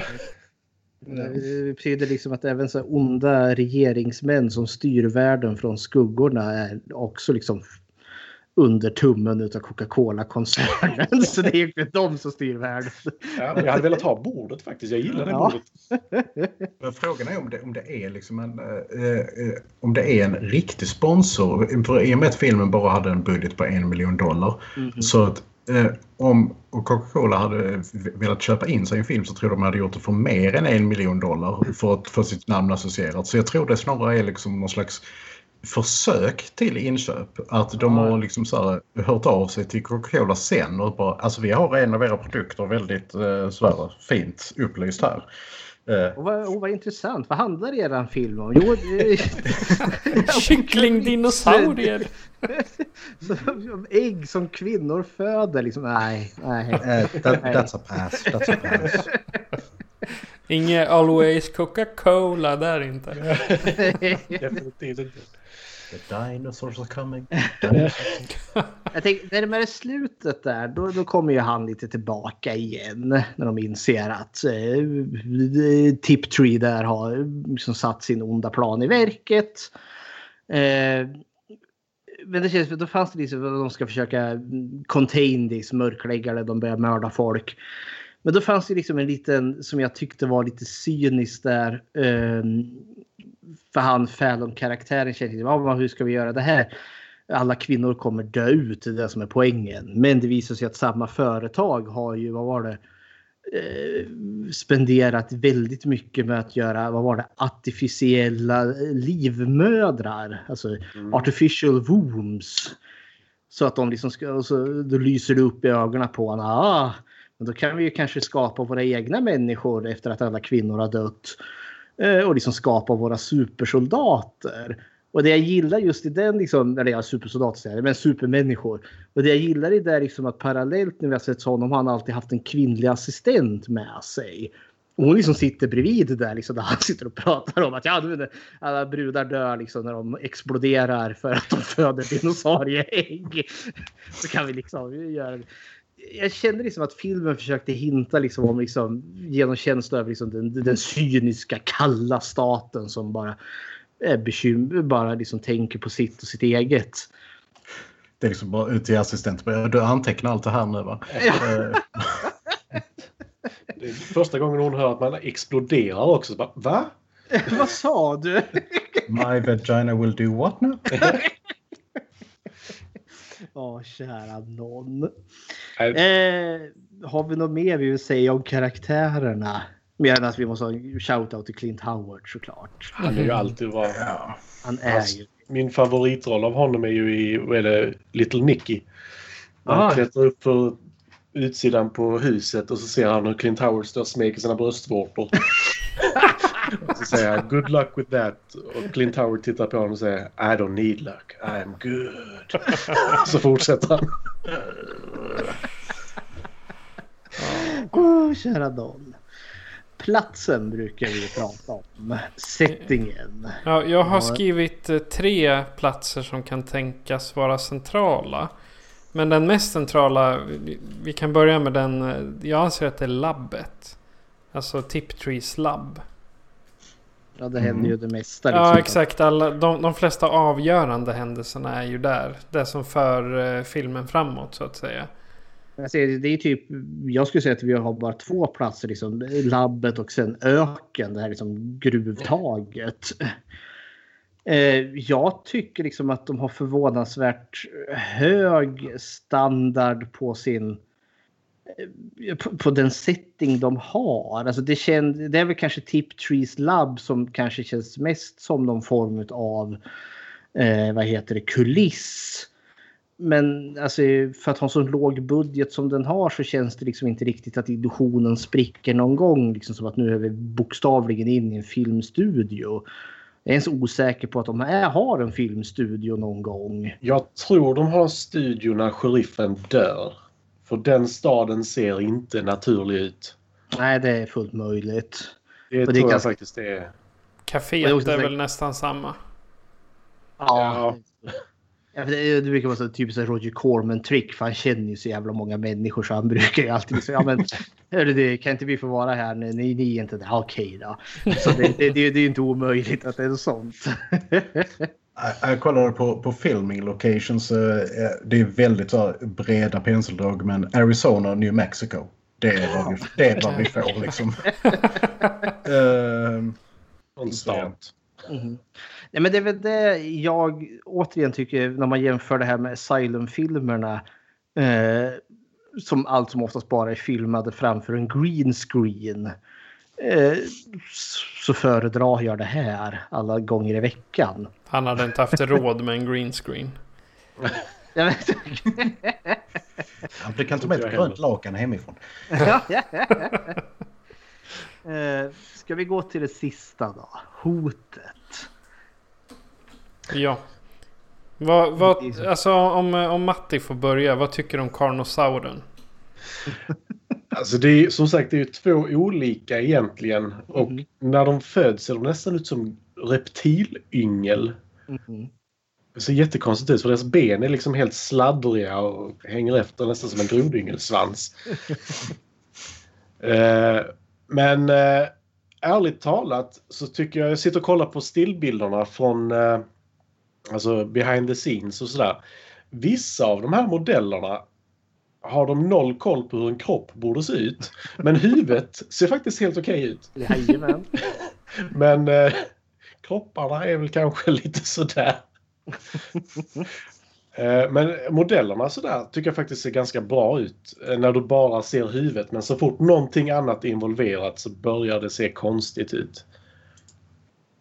Eh, men själva hotet i sig tycker jag ju är...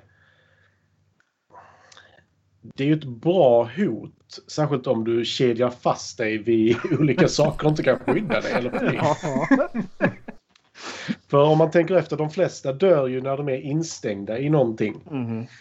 Eh, för de ungdomarna som dör i början, en dör när han står och kissar, de andra två dör i bilen. Eh, sen är det de som är också i bilen. Som, Ja, det är i lastbilen där. ja, precis. De som kör fåglarna. Eh, så det är mycket sånt där folk dör. Så det, det blir ju lite den här slasher-grejen. Mhm.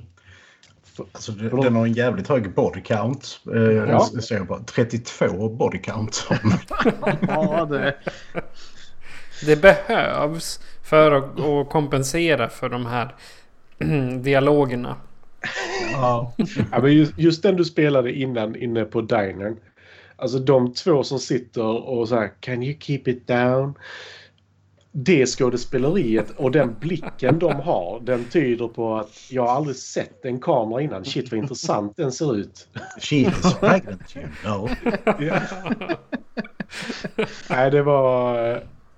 Det var Det, de dåligt. måste ju ha tagit dem från gatan liksom. Bara kom, ni får vara statister i våran film. Ja, men det kändes verkligen så på de två. Och sen Clint Howard som ändå gör någonting bra. Mhm. Men sen vet jag inte, är hotet bara dinosaurien egentligen? Vi har ju viruset också. Ja. Alltså, det är egentligen värre skulle jag vilja säga. För dinosaurien kan, kan du ju döda, alltså skjut, skjuten. Alltså så här, viruset, det blir liksom helt ur kontroll. Ja, och nu, nu när vi lever i den tiden vi gör med, med pandemi och lite sånt där. Att acceptera att någon nyser på din mat. Ja. Jag vet Side inte riktigt. gravy där. Ja. Han gjorde det- en till exempel salladen. Jag bara så här. Nej, jag hade skickat tillbaka den och gått därifrån. För jag hade inte velat äta där oavsett vad som kom ut sen. Nej, men för det var mer sånt precis i början. De som kör ut eh, den här hundsvagnen som eh, kanosauren senare kommer ifrån. Eh, där var det också när, när han möter vakten. Så nyser Mm. han och så torkar han sig med handen över näsan och sen skakar de hand med varandra. Ja. Och jag, liksom, jag, jag, kunde, jag, jag tänkte också så här, för jag kommer inte riktigt ihåg den här subplotten med viruset. För det vart liksom så väldigt påtagligt nu i coronatider. Mm. Nej, För den- jag- Jag. Ja, det, det var den biten som jag fann alltså genuint otäck liksom om ett dödligt virus som kickar iväg. Alltså det, det är det som gör den så här bisarr. För liksom det här är en dinosauriemördarfilm. Det kommer en dinosaurie till en trevlig liten småstad och så börjar tonåringarna dö. Och så besegrar vi dinosaurien i slutet. Det är liksom det som är standard. Men så lägger du på ett apokalypsvirus på det. Det är Ja. det som gör den här filmen till en märklig bäst jag har svårt att placera. Ja, men det är det jag känner också. För männen är ju bara smittspridare dessutom. Mhm. Ja. Tillsammans med äggen, tror jag. Och kycklingköttet i sig. Jag är lite Ja. osäker där. Alltså, alltså äggen är ju bara så bisarrt. Det är liksom bara, vem kommer, eh, vem kommer använda sig av de äggen som ni säljer? Men jag tror det har gått för långt där. Där har liksom Ja. det gått för långt. Ja, för det var Men- faktiskt en genuint äcklig scen tyckte jag när hon, eh, sheriffens fru, eller nej det är väl sheriffen sen. Ja, hon, ska, hon ska steka ägg och så knäcka henne och så är det, liksom som, ja, det, det är typ som att äggen ruttnar så de är gröna, svarta. Och så får han ju ut en liten dinosaurie där sen.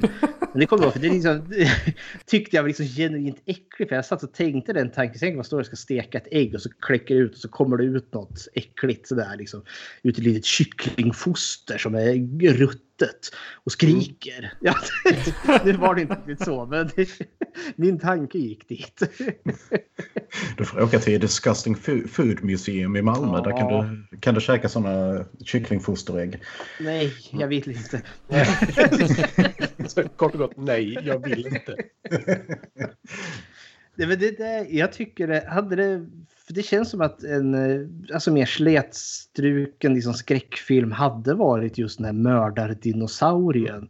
Det är den här virussubplotten som gör det här till något helt annat. Plus också att det slutar så jävla dystert som det gör. För i vanliga fall så besegrar man ju hotet och småstaden är räddad.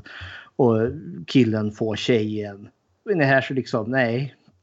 Mänskligheten går säkert åt skogen medan Fallon sitter och har sina artificiella livmödrar där. Och, jag sitter och Äter sina... getblåbär.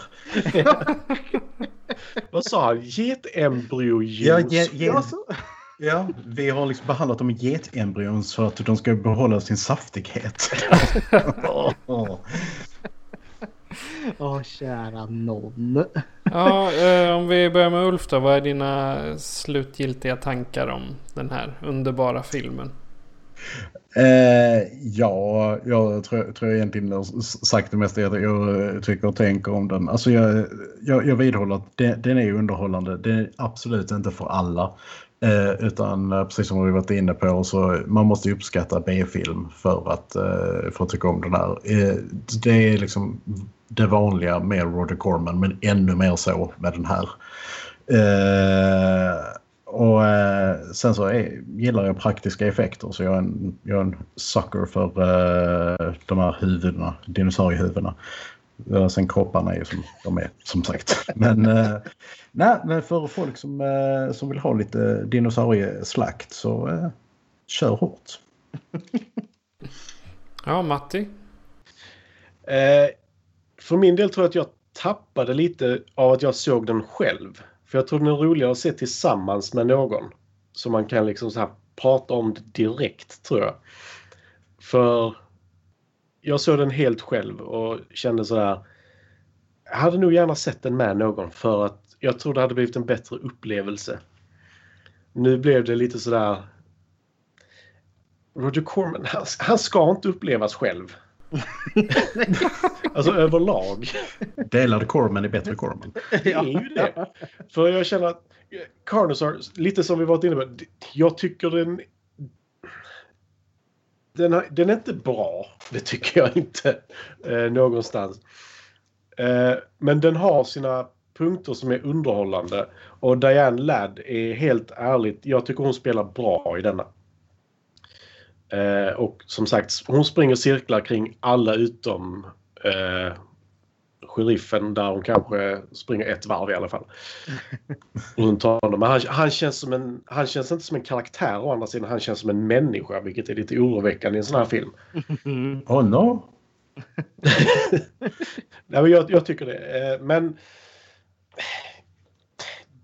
jag blev väl underhållen, men jag vet inte om det är en film jag kommer att se igen om jag formulerar mig så. Nej. Utan då är det, då är det någon, alltså, någon festival, någon mässa med mycket folk där man kan uppleva det tillsammans. Tror jag faktiskt. Ja, Fredrik? Jag är nog böjd att hålla med. Alltså tonåringen i mig såg den här och var liksom förnöjd över splattereffekterna och den liksom dystra tonen. Nu när jag ser om den som vuxen, eh, samma sak, jag såg den själv och liksom med medvetet jag ska snacka om den i en podd och försöker liksom hitta saker. Men alltså jag, jag tror liksom att det, det blir nog så mycket roligare om man är i grupp för liksom då kan man skratta mer åt det bizarra som är den här jäkla filmen. Och samtidigt liksom så är den så märklig bäst som klarar av att stå någorlunda på egna ben. Mm. För det är inte liksom en total rip-off utav Jurassic Park. Jag kollade här att den här hade ju faktiskt en release en månad innan Jurassic Park kom ens en gång. Mm. Men alltså det sättet gör att det är en märkligt egen film men skulle jag vilja se den här igen vill jag göra det med ett större sällskap med lite öl och lite chips för då tror jag mm. vi förhöjer effekten av den här filmen markant. Eh, så jag kan inte rekommendera den till någon annan än ett sällskap av fulla glada vänner. Så Patrik då? Ja, eh, alltså re resultatet av den här är inte så bra och den enda som jag anser eh, roliga och hyfsat minnesvärda karaktären är ju Diane Ladd. Om man, om man bortser från uh, Clint Howard då. Uh, och för Tiptree har ju liksom en ond plan om att förstöra mänskligheten. Och på, i andra ringhalvan så har hon Doc som både är det komiska elementet och den så kallade hjälten. Och så då Trush då, den damsel in distressen som jag nämnde. Men jag tycker också filmen har några ljuspunkter och det är dinosaurieattackerna som är blodiga och mysiga. Och sen de smått komiska Coca-Cola produktplaceringarna. De kommer faktiskt på flera ställen men jag har inte skrivit upp dem. Det finns några stycken här och var. Inne på Dinern tror jag de har också ett par burkar står. Och sen eh, ni måste ju hålla med mig om att dinosaurieeffekterna är ganska dåliga. Som gör Ja, att, gud, de är, ja. att de är De är dåliga men samtidigt bra. För att säga emot Ja. sig själv. Men alltså, det, jag gör samma igen där med Asylum. Jag föredrar de här dåliga dockorna före liksom CGI-hajarna. För jag vet inte, det finns en viss charm. Nu sa jag hajar för det brukar som oftast vara hajar i Asylum i, i varierande storlek som dyker upp. Nej, men jag föredrar så mycket mer än den här dockan Mm. Eh, än vad jag gör något CGI-crap. Så det, alltså, jag skulle kunna säga så att jag återvänder hellre till Ka- Carnosaur innan jag återvänder till något av vad Asylum har gjort. Men uh, all in all vad jag tycker det kan bara Vanessa berätta. Billy, I want you to find the tallest skyscraper you can and throw yourself off, and then go fuck yourself! Ja.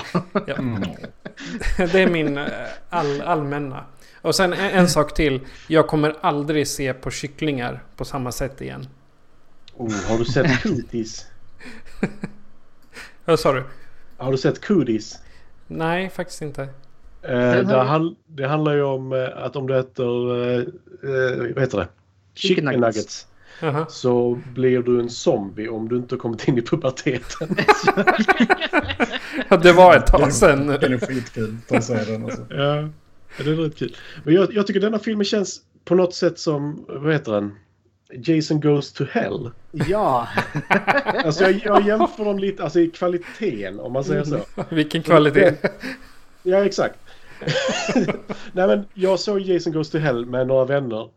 Och jag hade valt filmen för jag visste att den var superdålig och så jävla konstig. Bara öppningsscenen där får mig att liksom bryta ihop i garv för det jag tycker det är så fantastiskt. När FBI jagar Jason.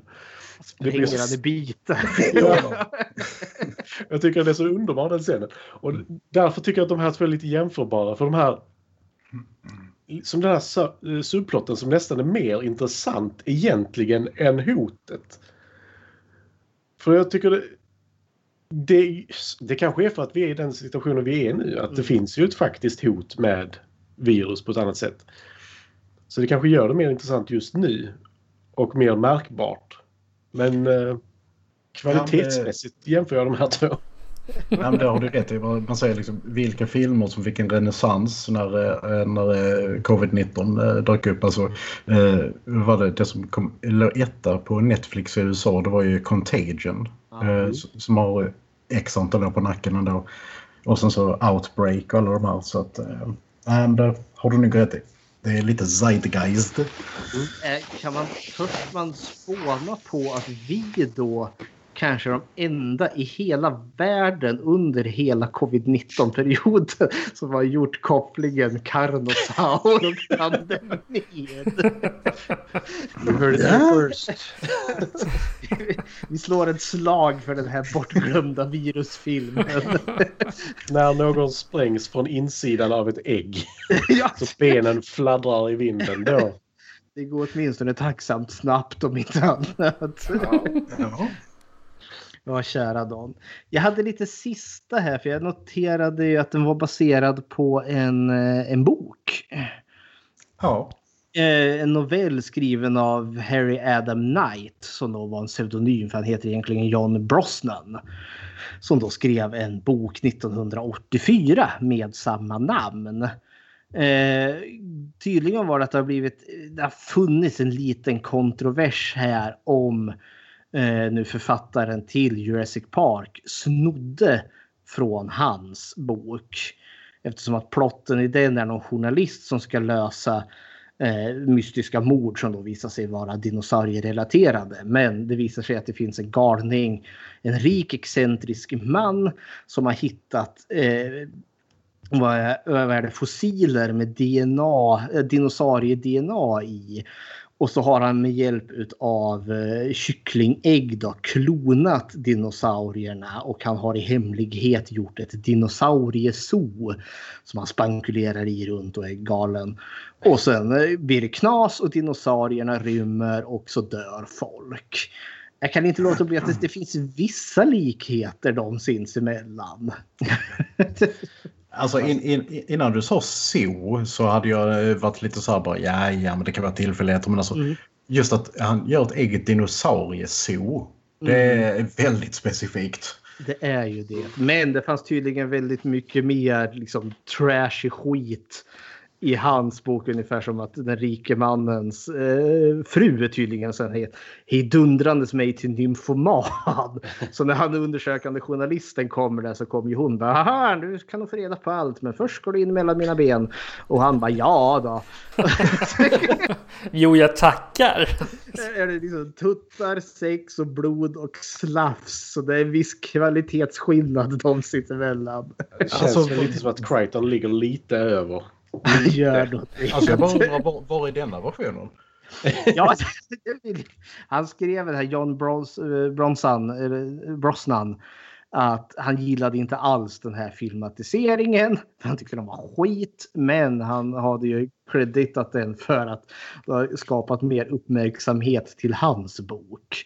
Så det är alltid något. Den är tydligen väldigt svår att få tag i den boken. Jag läste på, på IMDB så har de ju recensioner där. Och den är skvatt omöjlig att få tag i. Man, man måste leta på Ebay och Amazon djupt. Så då var Men, det eh, inte så bra. Nej, det vart inte så många, många exemplar. Men då så. Ja. Men om eh, du som lyssnare har eh, lite frågor om eh, Karnosauren eller någonting annat så kan ni göra så här för att kontakta oss. Skräckfilmscirkeln presenteras av Patrik Norén och Fredrik Rosengren. Besök skräckfilmscirkeln.com för att se hur du kan kontakta oss, var du kan följa oss och hur du kan stödja oss. Lämna gärna ett betyg på iTunes, Spotify eller Podbean så att fler kan njuta av våra diskussioner. Tack för att du lyssnar! Nu så. Då så. Det var dinosaurier i, eller en dinosaurie i stora, stora lass. Eller ska man säga en, en stor jävla farlig kyckling? Var det inte två dinosaurier till och med? Ja, det Ja, T-rexen kom på slutet där. Ja, det gjorde den. Jaha, hur, eh, nu ska vi fråga Film till fikat gäng då. Vad, hur kändes det att vara inne i grottan här med oss nu då? Jag tyckte det var jättetrevligt. Ja, tyckte jag också. Det, det var jättetrevligt att ha er här. Ja, tackar och bockar. Ja, och bjuder igen när vi kommer till nästa skräckfilm eller någonting. Jajamensan. Nej, nej, du, du Gus- Gustav, säga, Ulf, det är pla- planerat. De ska komma in till Carnosaur 2. Jajamensan. Det är en hel jävla franchise här förstår ni. Ja. Yes. Så jag måste se mer Carnosaur menar du? Jajamensan. Men den, Carnosaur 2 är nästan lite roligare för den är en sån uppenbar rip-off utav Aliens. Alltså den Mm. andra Alien-filmen. Det går inte att ta miste på. Alltså det är bokstavligen Aliens fast med dinosaurier. Alltså, det, det, det låter underbart. Jag ser fram emot det. Jajamensan. Så har vi också en Carnosaur 3. Och så har du två rip-off-filmer till dessa rip-off-filmer. Den ena heter Raptor och den andra heter då Project Eden. Så, Eh, Raptor har jag till och med sett. ja, ja, se där. Jag har för mig att de till och med snor lite av omslaget till Carnosaur till deras omslag. Uh, Okej. Men eh, vi har inte så mycket mer kvar att säga än att jag heter Patrik. Och jag heter Fredrik. Och med Jag oss heter- hade vi... Jag heter Matti. och jag heter Ulf. Adjö på er. Adjöken. Adjö.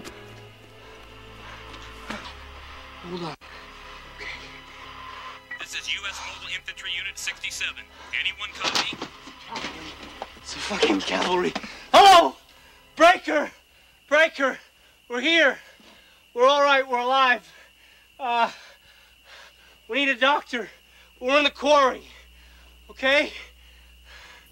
There's a new dance craze sweeping the country, and it's called the Dino Dance. It's a lot of fun, and we all hope you'll give it a chance. Are you ready now? Cause it goes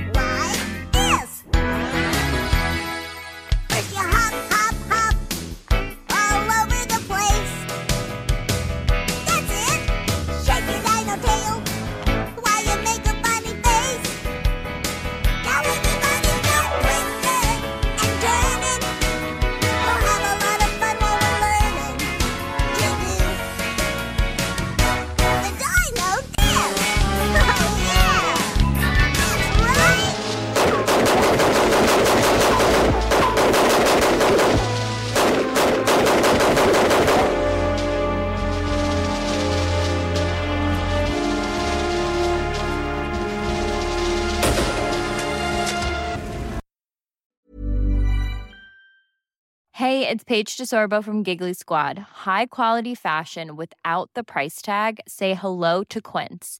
I'm snagging high-end essentials like cozy cashmere sweaters, sleek leather jackets, fine jewelry, and so much more. With Quince being 50 to 80% less than similar brands. And they partner with factories that prioritize safe, ethical, and responsible manufacturing. I love that. Luxury quality within reach. Go to quince.com slash style to get free shipping and 365 day returns on your next order. Quince.com slash style.